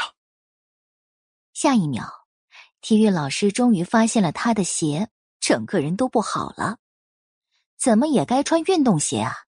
是不懂还是因为没有啊？他的一句话吸引了所有人的目光，全都看向苏七的脚。怎么办啊？怎么办啊？比赛还有三分钟就要开始了，现在我去哪儿给你弄鞋子？体育老师急得满头大汗。苏七有些无语，大可不必，我就算是光脚也能赢他们。体育老师和其他人愣了愣，顿时不知说什么好了。参赛的十几个女生脸色几乎全都肉眼可见的阴沉下来，没有一个情绪不激动的。体育老师直接哭丧了脸，恨不得用手捂住苏七的嘴巴。他是不是傻？有信心当然是好的，可马上就要开始比赛了，竟然冒出这么一句来，这是生怕其他人不受刺激，发挥不出实力吗？苏七，你别得意，等一下就让你知道什么叫人外有人，天外有天。果然，他们都已经一副想要把苏七狠狠踩在脚下的愤怒了。苏七一声冷笑，置之不理。这个局面。体育老师也实在不知道该说什么了。旁边的啦啦队里，吴香香看似不经意，可实则都在竖着耳朵听着。傻子果然是傻子，不过被老师看中几天，尾巴都已经翘到天上了呢，一定很快就会被打脸了。比赛开始还有一分钟，请各位选手准备。裁判员的声音响起，气氛顿时紧张起来。这时候，张峰和方宇也从另外一边赶过来。不仅仅他们，几乎所有学生和老师的目光都投向了这个赛道。高校长，这是怎么回事啊？这组学生里是有什么特别的吗？宁熙意识到气氛的改变，之前的比赛可没有这样。高江点点头，然后给出一个让他惊愕的回答：“唉。”是因为苏七。宁熙愣了愣。苏七，他到底有什么特别的地方？叶想要跟立业说话，可是没想到他竟然也同样朝着那个方向看过去，而且神色严肃无比。起跑线前面，算上苏七在内的十二个女生都已经站位就绪。每个人都做好了起跑的姿势，等着开始的声音。体育老师一颗心完全提到了嗓子眼儿，是骡子是马，就在此一举了。准备！发令枪响，一道道身影窜出去起跑线。体育老师的一双眼睛几乎都已经长在苏琪身上。他清清楚楚的看到苏七的起步至少比其他人晚了两到三秒，这个反应的速度根本不算优异，也马上跟前面的女生拉开了距离。他真的是差点就忍不住捂住自己的眼睛了，糟心呐！加油！加油！加油！加油！加油！加油啦啦队和四周的喊声震耳欲聋。开局的前一百米，苏七始终在第七八位徘徊。苏七不行，对，苏七不行。人群里很快便开始异口同声：“阿峰，苏七这个速度确实不行啊！”就连方宇都被影响，跟张峰说着。张峰紧绷着脸颊，没有说话。现在几乎整个学校的学生都在等着看苏七的笑话，难道苏七真的不行吗？不知道什么时候，他垂在身侧的双手握成了拳头。叶，这七七的速度好像并不快啊。林夕并没有特意压低声音。不仅立业听到了，高江他们也同样如此。几分钟前，高江还在说呢，他们可以期待一下苏七的表现。没想到打脸来的这么快，不急。立业回答着他，但是却没有看向他。林夕皱了皱眉头，显然没有明白立业的意思。八百米的赛道。片刻的功夫就已经跑过大半了，可是他们的排位几乎还和刚刚开始的时候没什么变化，结果好像已经完全可以提前锁定。而且说实话，这种速度的比赛看起来实在是中规中矩，没有什么太出彩的地方。不过宁熙的这个想法才刚刚升上心头，赛场上突然响起一阵惊呼。立业的眼底一抹金光，跟所有人一样，眼中只有苏琪的身影。在距离终点还剩下一百米的时候，苏七提速了，几个呼吸之间便已经从第八位到了第五位。那样突然，苏七在冲刺，不知道是谁扯着嗓子喊了一句：“别人也在冲刺啊！太晚了，不可。”反驳的人到底没能把否定的话语说完。因为只是这一瞬，苏七就已经窜到了第三，距离终点还有差不多五十米。再到两旁所有人的眼睛都瞪得圆溜溜的，甚至忘记了发出声音，全部都是难以置信。第二了，超越第二，距离第一也仅仅只剩下两三米的距离，近在咫尺，而速七竟然还在加速，他。到底是怎么做到的？订阅评论别。第一百一十七集，当苏七第一个跑过终点的那一瞬，硕大的赛场上顷刻间鸦雀无声。苏七第一，这样的结果没有人想过，甚至没有人想要。可是现实就是现实，他做到了。好！体育老师第一个兴奋的高喊一声，拍起了巴掌。从开始的绝望到现在的欣喜若狂，短短三四分钟里，心情就已经经历了前所未有的翻转。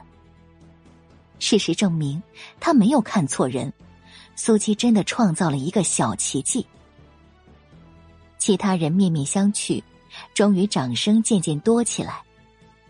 哎，阿芳，我我没看错吧？这样也行。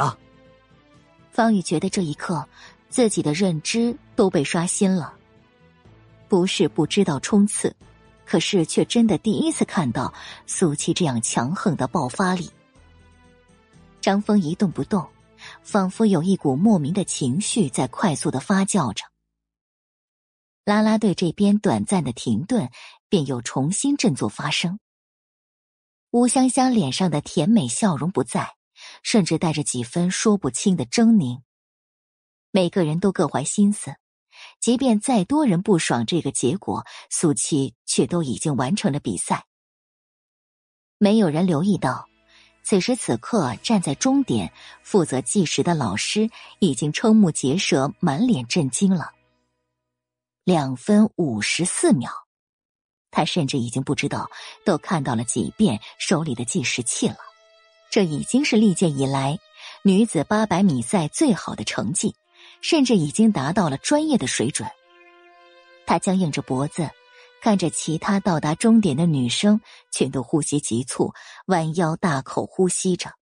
可是苏七却很平静的站在那儿，除了稍微有些呼吸不稳，完全看不出任何刚刚剧烈运动过的痕迹。这是不是代表着他还有可以更快的余力？这个认知让他甚至都加快了呼吸，仿佛挖到了宝藏一样的兴奋。哼，苏七，好样的！我就知道你没问题，现在可以好好休息了。随后赶到的体育老师。恨不得想要给他一个大大的拥抱，才能表达心中的喜爱了。那副肯定的模样，跟比赛开始之前的担心比起来，简直判若两人。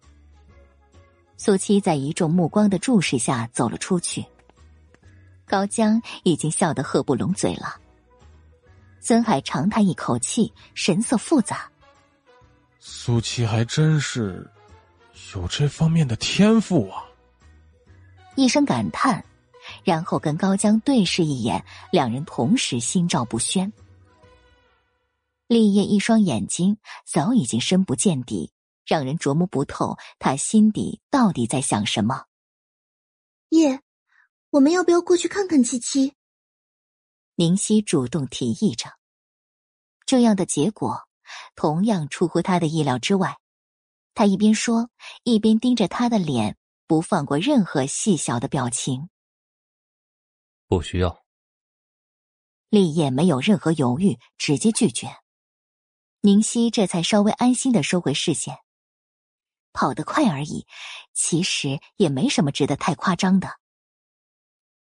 赛场上，比赛依然在继续着。体育老师特意为苏七找了一把椅子，让他能够好好休息。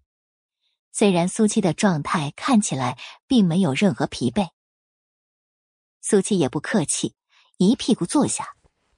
其他人的比赛跟他也没什么关系，三场完成一场，接下来应该是女生组的一千二百米接力，最后才是男女混合。体育老师很快就被叫走了，苏七听着四周依旧是一片议论纷纷，索性闭上了眼睛。香香，苏七那个傻子简直就是出尽风头啊！不过只是跑得快而已嘛，有什么了不起的？我家大黄可比他跑得快多了。休息的空档，几个啦啦队的女生凑在一起讥讽着苏七。开口的不是吴香香，但是她却没有任何反驳的意思。旁边马上又有一个女生接了话：“话不是这么说的，我刚才听到几位老师在说。”苏七的成绩已经破了学校记录了呢。他的一句话，顿时让四周的空气都凝固起来。吴香香是真的不高兴了，特别是他清楚的看到张峰学长似乎一直都在留意苏七，更是让他忍不住的嫉妒。好不甘心啊！那个傻子竟然都有翻身的一天。几个女生几乎全都是这样的想法。大家还是尽快调整好心态吧，后面他还有两场呢，很可能会继续一鸣惊人的。吴香香终于开口，安抚着他们的情绪，可是说出来的话实在让他不能开心。香香，你难道都不会生气吗？吴香香微微一笑，大家都是同学啊，不管谁取得好成绩，都是应该高兴的。况且苏七是真的有这个实力的。难不成我们还要在人家的比赛上搞破坏吗？说到最后，他有意无意加重了语气。几个女生彼此互相看一眼，真的把他的话听到了心里。傻子的下一场应该是接力赛吧？七七，苏七正打着瞌睡的时候，身侧有人叫他的名字，他慢慢睁开眼睛。然后看到宁熙那张美丽的脸庞，七七，我和叶国来看你比赛的。苏七朝他周围打量，没有看到立业，脸色就好看了许多。你们怎么知道我今天有比赛的？他故意明知故问。宁熙扑哧一声笑了，好像他根本不该问这个问题的。你和叶的关系，他怎么可能不知道呢？难道你不希望我们过来为你加油打气吗？呵呵，确实不希望。苏七虽然在笑，但是神色却是说不出的疏离。如果可以，他巴不得让他们赶紧滚蛋呢。宁熙没想到他说话竟然这么不顾及分寸，不过他自然不会跟他一般见识，毕竟是在这种大庭广众之下。刚才你的表现，我和叶都看到了，很精彩。你确实很有这方面的天赋，以后可以在运动上多多发展的。他每一次开口，几乎都是他和立业，语气更是暧昧无比。苏琪自然听得出，不过他的重点却是放在立业在注意自己这件事上。看着宁熙那副高高在上的模样，他突然想到了什么，坐直了身子，一侧嘴角微微的上扬。宁小姐，你说你和立业关系很好？宁熙微微一愣。探究着苏西问的这个目的。我们不是一家人，却胜似一家人。嗯，既然是这样，那你一定知道立业身上有一处异于常人的吧？苏七的一句话，顿时让宁熙瞳孔剧烈收缩一瞬。第一百一十八集。宁熙的一张脸涨得通红，他知道自己在胡说八道什么吗？什么异于常人？难道他看过立业的身子？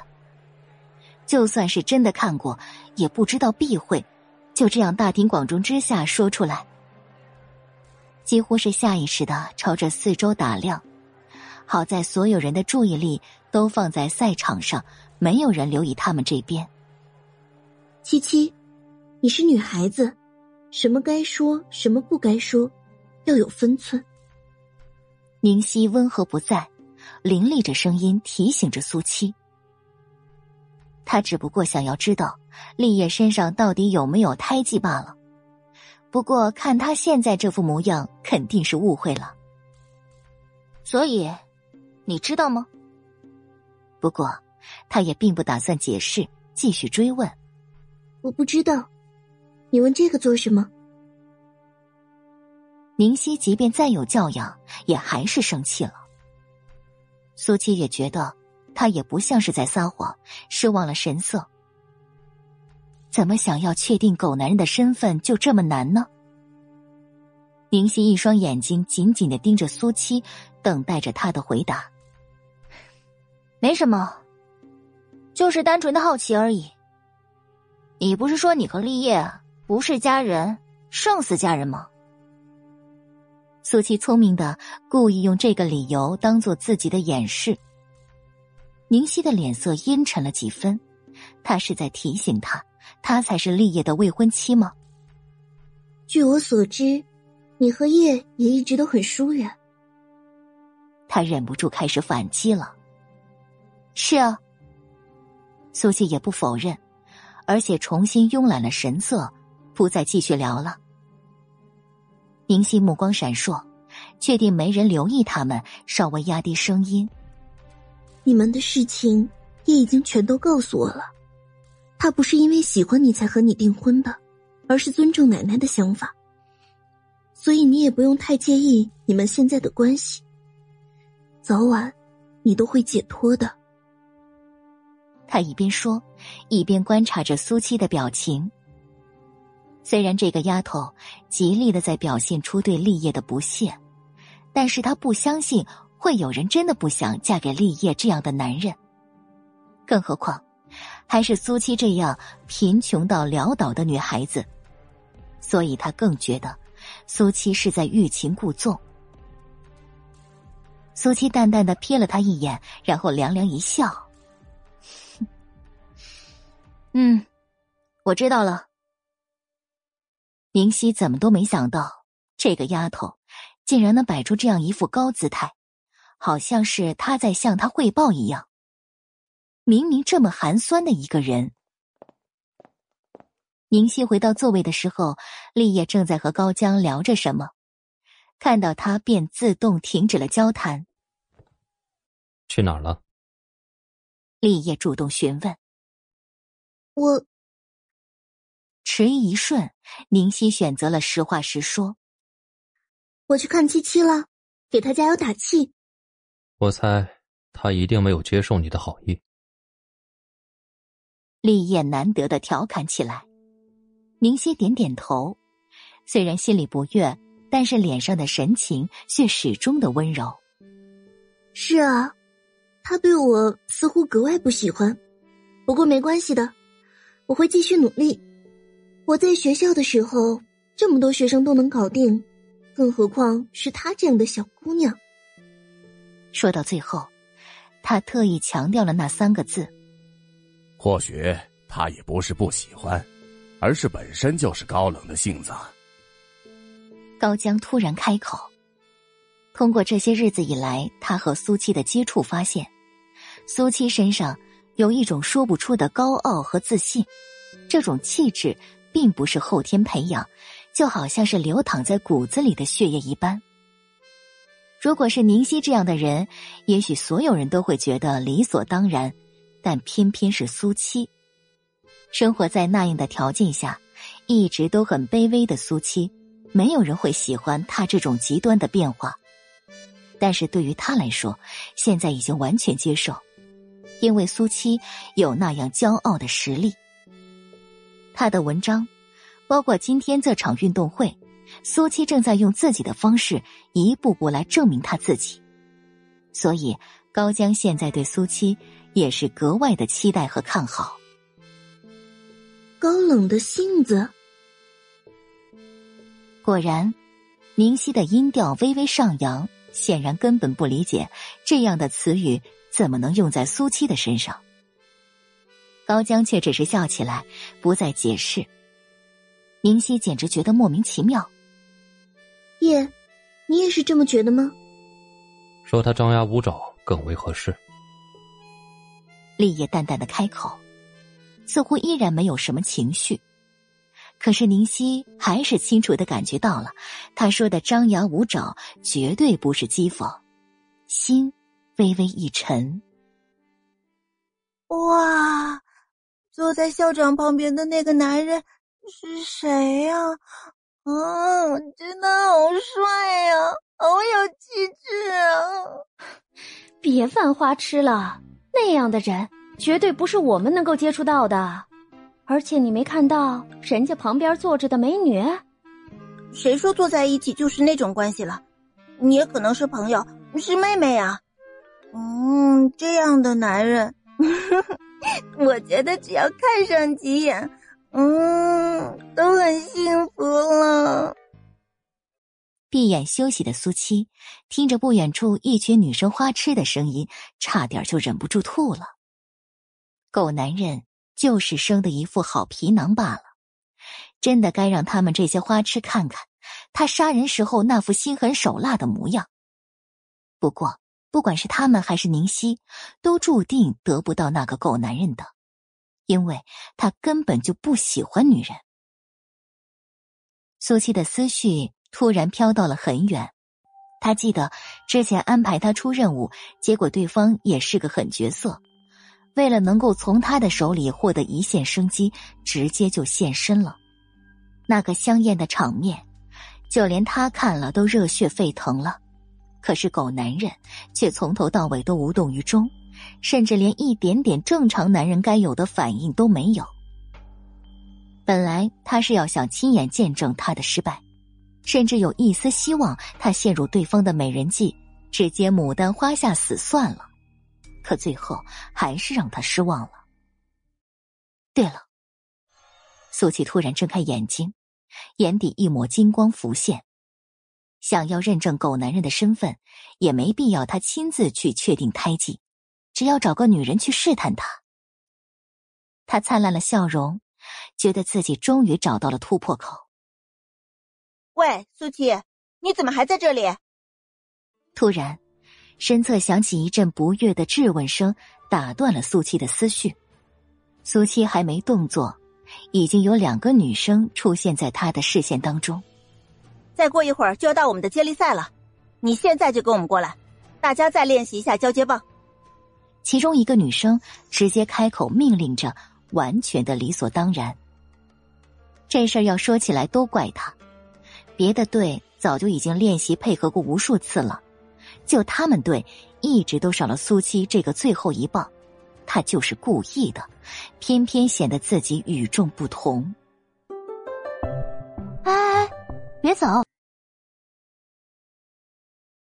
第一百一十九集，苏七没有给他们一丝回应。仿佛他们就是空气一样。两个女生本来就带着几分怒气，现在更是直接发作了。苏七，你是聋了吗？我们在跟你说话呢。别以为刚才你跑了第一就了不起了。团体赛不是你一个人的事情。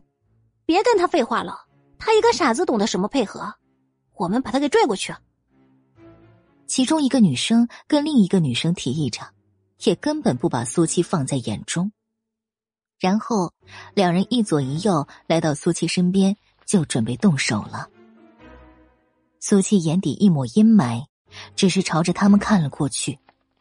两个女生同时停住，明明她什么都没做，但却让他们突然感觉到头皮发麻。他的眼神真的说不出的恐怖。你们在干什么？这个时候。体育老师朝着他们走过来。老师，两个女生看到他，就好像看到了救星一样，马上开口说着：“我们想让苏七一起练习交接棒。”他们的情况，他可是最清楚的了，所以一定会赞同他们的做法。体育老师果然看了苏七一眼，两个女生心头一喜，就等着他批评他了。苏七这边应该没什么问题，你们去练吧，好好练，也别有太大的压力，就像苏七一样正常发挥就好。体育老师说完之后，笑呵呵的重新看向苏七。呃，苏七啊，快起来，校长让我给你介绍一个人。他既然给了他面子，那苏七自然要礼尚往来了。想到这儿，苏七从椅子上直起身，朝着体育老师的方向打量。啊这位是城市日报的王记者，是专门来咱们学校的运动会做报道的。体育老师身边果然还跟着一个三四十岁的女人，也正是他口中的记者。苏七看到那张才见过不久的面孔，微微一笑：“王记者，你好。”没想到，竟然连报社的人都来了，而且还是上次跟那个刘主编一起来过的女人。王艳上上下下打量着苏七，然后很友好的打招呼：“苏七同学，你好！刚才你的那场比赛真的很让人惊喜。”他还是有些惊讶，之前距离比较远，还没觉得什么，但是现在看着苏七单薄的身子，很难想象这样的身体里会蕴含着那样的爆发力。旁边的两个女生瞠目结舌，没想到连记者都来采访苏七了。哎，你们两个也别愣着了，去练习吧。体育老师主动催促一句，毕竟人多了，说话也不太方便。两人这才回神，僵硬的迈开了脚步。苏七很淡定的坐着，等着王艳他们接下来开口。苏七同学。你是有过这方面专业的训练吗？王艳再次开口，果然就是职业化的提问了。没有。苏西简单的回答，然后看到体育老师给他一个让他好好回答的眼神。平常都是我们老师教的好。苏七不咸不淡的补上一句，体育老师的嘴角忍不住的疯狂上扬。他只是让苏七不要太敷衍罢了，可没想到让他这么说的。王艳点点头，显然他的回答跟他想象中的并没有差距。刚刚的八百米，你知道自己用了多长时间吗？已经可以达到专业运动员的水准了。不过虽然让人惊艳，但也并没有太多的激动。毕竟在这样的赛场上。会突然爆发一下的情况也不是不可能的，所以一次的水平不代表一个人真正的实力。而他的这个问题也不是真的需要苏七回答，只是为了引出下一个问题，调动这个孩子的情绪而已。苏西想了一下，应该是在两分五十四到五十五之间吧。愣住的不仅仅是王艳，还有体育老师，而且后者的反应甚至还要更大一些。啊，看来苏七同学已经都知道了。那你对你的这个成绩还满意吗？或者这次的成绩是否是你最好的一次发挥？王艳很快回神，下意识的就认定苏七是从技师老师那边得到的时间，还可以吧？我已经努力了。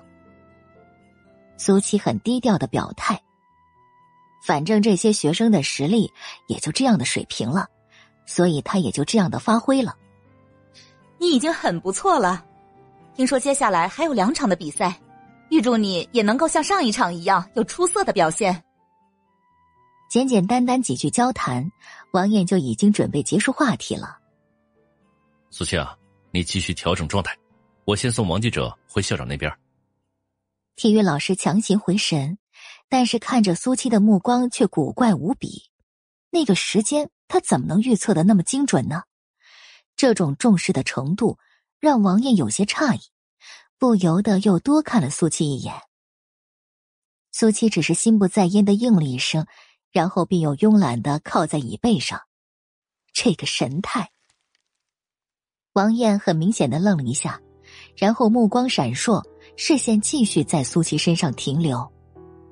似乎体型也真的差不多，难道他就是？王记者。我们走吧。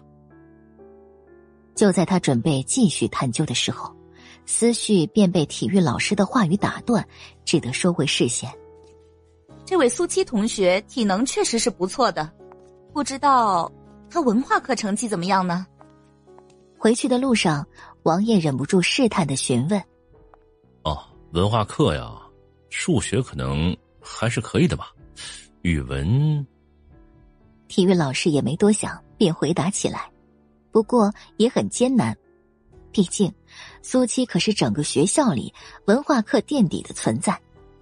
但是数学老师推荐他去参加全国数学比赛也是真的，所以他不敢说不好。语文呢？王艳追问着。语文就很一般了，马马虎虎。体育老师有些不太好意思，太贬低了。谁让现在苏七是他的宝贝疙瘩呢？王艳皱了皱眉头，看他这副样子，应该是很不好了。文字功底不好，是根本不可能写出那么精彩的故事的。所以是他感觉出错了。苏七并不是女王，不过也确实容易混淆，毕竟身材相似的女生也有很多的。啊，王记者。苏七啊，虽然文化课一般，但是完全可以走特长生的，所以接下来的比赛你就拭目以待吧。体育老师主动岔开话题，言语间对苏七简直无限看好。王艳点点头，他过来的任务就是报道这场运动会的，当然，也希望能够有热点了。第一百二十集。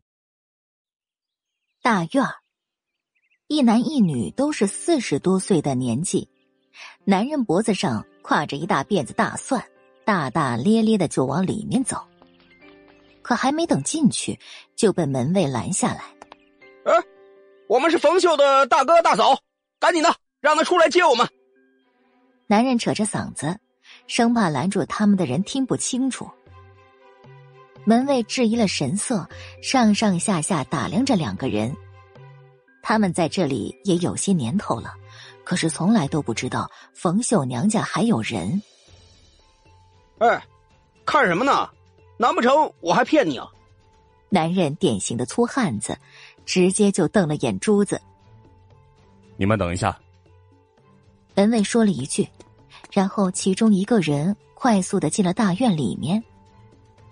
方铁呀，这里不比家里呀，还是和气点的好啊。张招娣扯扯自家男人冯铁的袖子，压低嗓音提醒着：“老子不管在哪儿都一样，别以为城里人就能高人一等啊！不过就几个看门狗而已，老子可不怕。而且不过就呃一个工厂的破大院进去还有人领，哎，不知道还以为是见多大个领导呢。”冯铁一脸的不耐烦，张嘴就是粗话。你怎么说话呢？因为他并没有压低音量，所以几个门卫听得清清楚楚，全都严肃了表情。哼，老子又这么说话了。对不起啊，你们别跟他一般见识，他平常说话也是这样的，绝对不是针对谁的。张招娣看看情况不对，急躁的打断了冯铁，讨好的跟门卫解释。冯铁还想再说什么，张招娣赶紧提醒他：“哎，你别忘了，咱们过来是干嘛的？闹僵了，恐怕连这个大门都进不去，还怎么见到冯秀啊？”果然，冯铁到了嘴边的话不说了。几分钟之后，冯秀僵硬着脚步出现在众人的视线当中。当他看到冯铁和张招娣的那一瞬，非但没有见到亲人的喜悦，反而眼底一抹惊恐浮现。冯秀，是你吧？张招娣先开口，竟然带着一丝不确定，一个劲儿打量着他。也不怪他不敢认，自从冯秀出事落魄之后，两家人就彻底断了联系，算算也有十几年了。以前的冯秀可是他羡慕嫉妒的对象。不仅嫁到了城里，找了个工人，夫妻还恩爱。可是再看看现在的他，那一张苍老憔悴的脸，甚至连他都不如了。张招娣心里瞬间就有了一股说不出的顺畅。是我，你，你们怎么来了？冯秀颤颤巍巍的说着，他以为这一辈子都不可能再见到他们了。我们来看看你呀！张招娣马上露出笑脸，一把挽住他的胳膊，那副亲热的样子看不出半点生疏。冯秀几乎下意识就把手臂抽出来。我没什么好看的，你们回去吧。虽然他声音底气不足，但是也清楚的表达出自己的态度。张招娣的笑容戛然而止。嘿。冯秀，给你脸了，我们都亲自来看你了，摆什么架子？赶紧的，带我们进去。冯铁一脸的不耐烦，直接命令着。昨晚他就已经打电话给冯秀了，是冯秀自己给脸不要，非得让他们跑来这一趟。冯秀竟然被吓得一个哆嗦，旁边的门卫看到冯秀这样的反应，防备了不少。冯姐。他们真的是你大哥大嫂吗？怎么看起来更像是坏人呢？冯秀虽然不想承认，可是又不得不承认。是，这下就连门卫也不能多说什么了。走啊！冯铁扯着嗓子吆喝一句。冯秀手心里已经全都是汗了，他在电话里都已经说得很清楚了，他们为什么还要过来？而且按着他们的性子，如果不带他们进去，恐怕会闹翻整个大院吧。没有办法，还是迈开了脚步。冯铁和张招娣夫妻二人对视一眼，快步跟上。冯秀啊，嗯，你给我们说说，你怎么突然就发财了？张招娣一边说一边打听。要不是前些日子他们村里有人进城过来，正好遇见了冯秀，他们还不知道冯秀家日子缓起来了呢。冯秀呼吸一滞，脸色顿时就变了。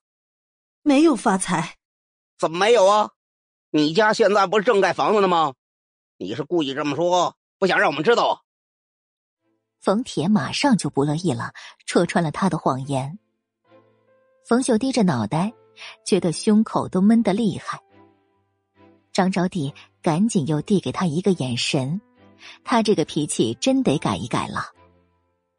说话间，三人到了胡同里。他们夫妻知道冯秀在盖房子，可是看到那么多砖瓦的时候，还是被惊到了。两人同时兴奋了神色。他果然是发财了，冯秀啊，这都是你家的砖瓦呀！哎呦，瞧瞧这领条粗的呀，一根都要不少钱了吧？张招娣激动的声音，仿佛这房子是他的一般。冯秀停下脚步，看他们两人的神色，更是无奈和紧张。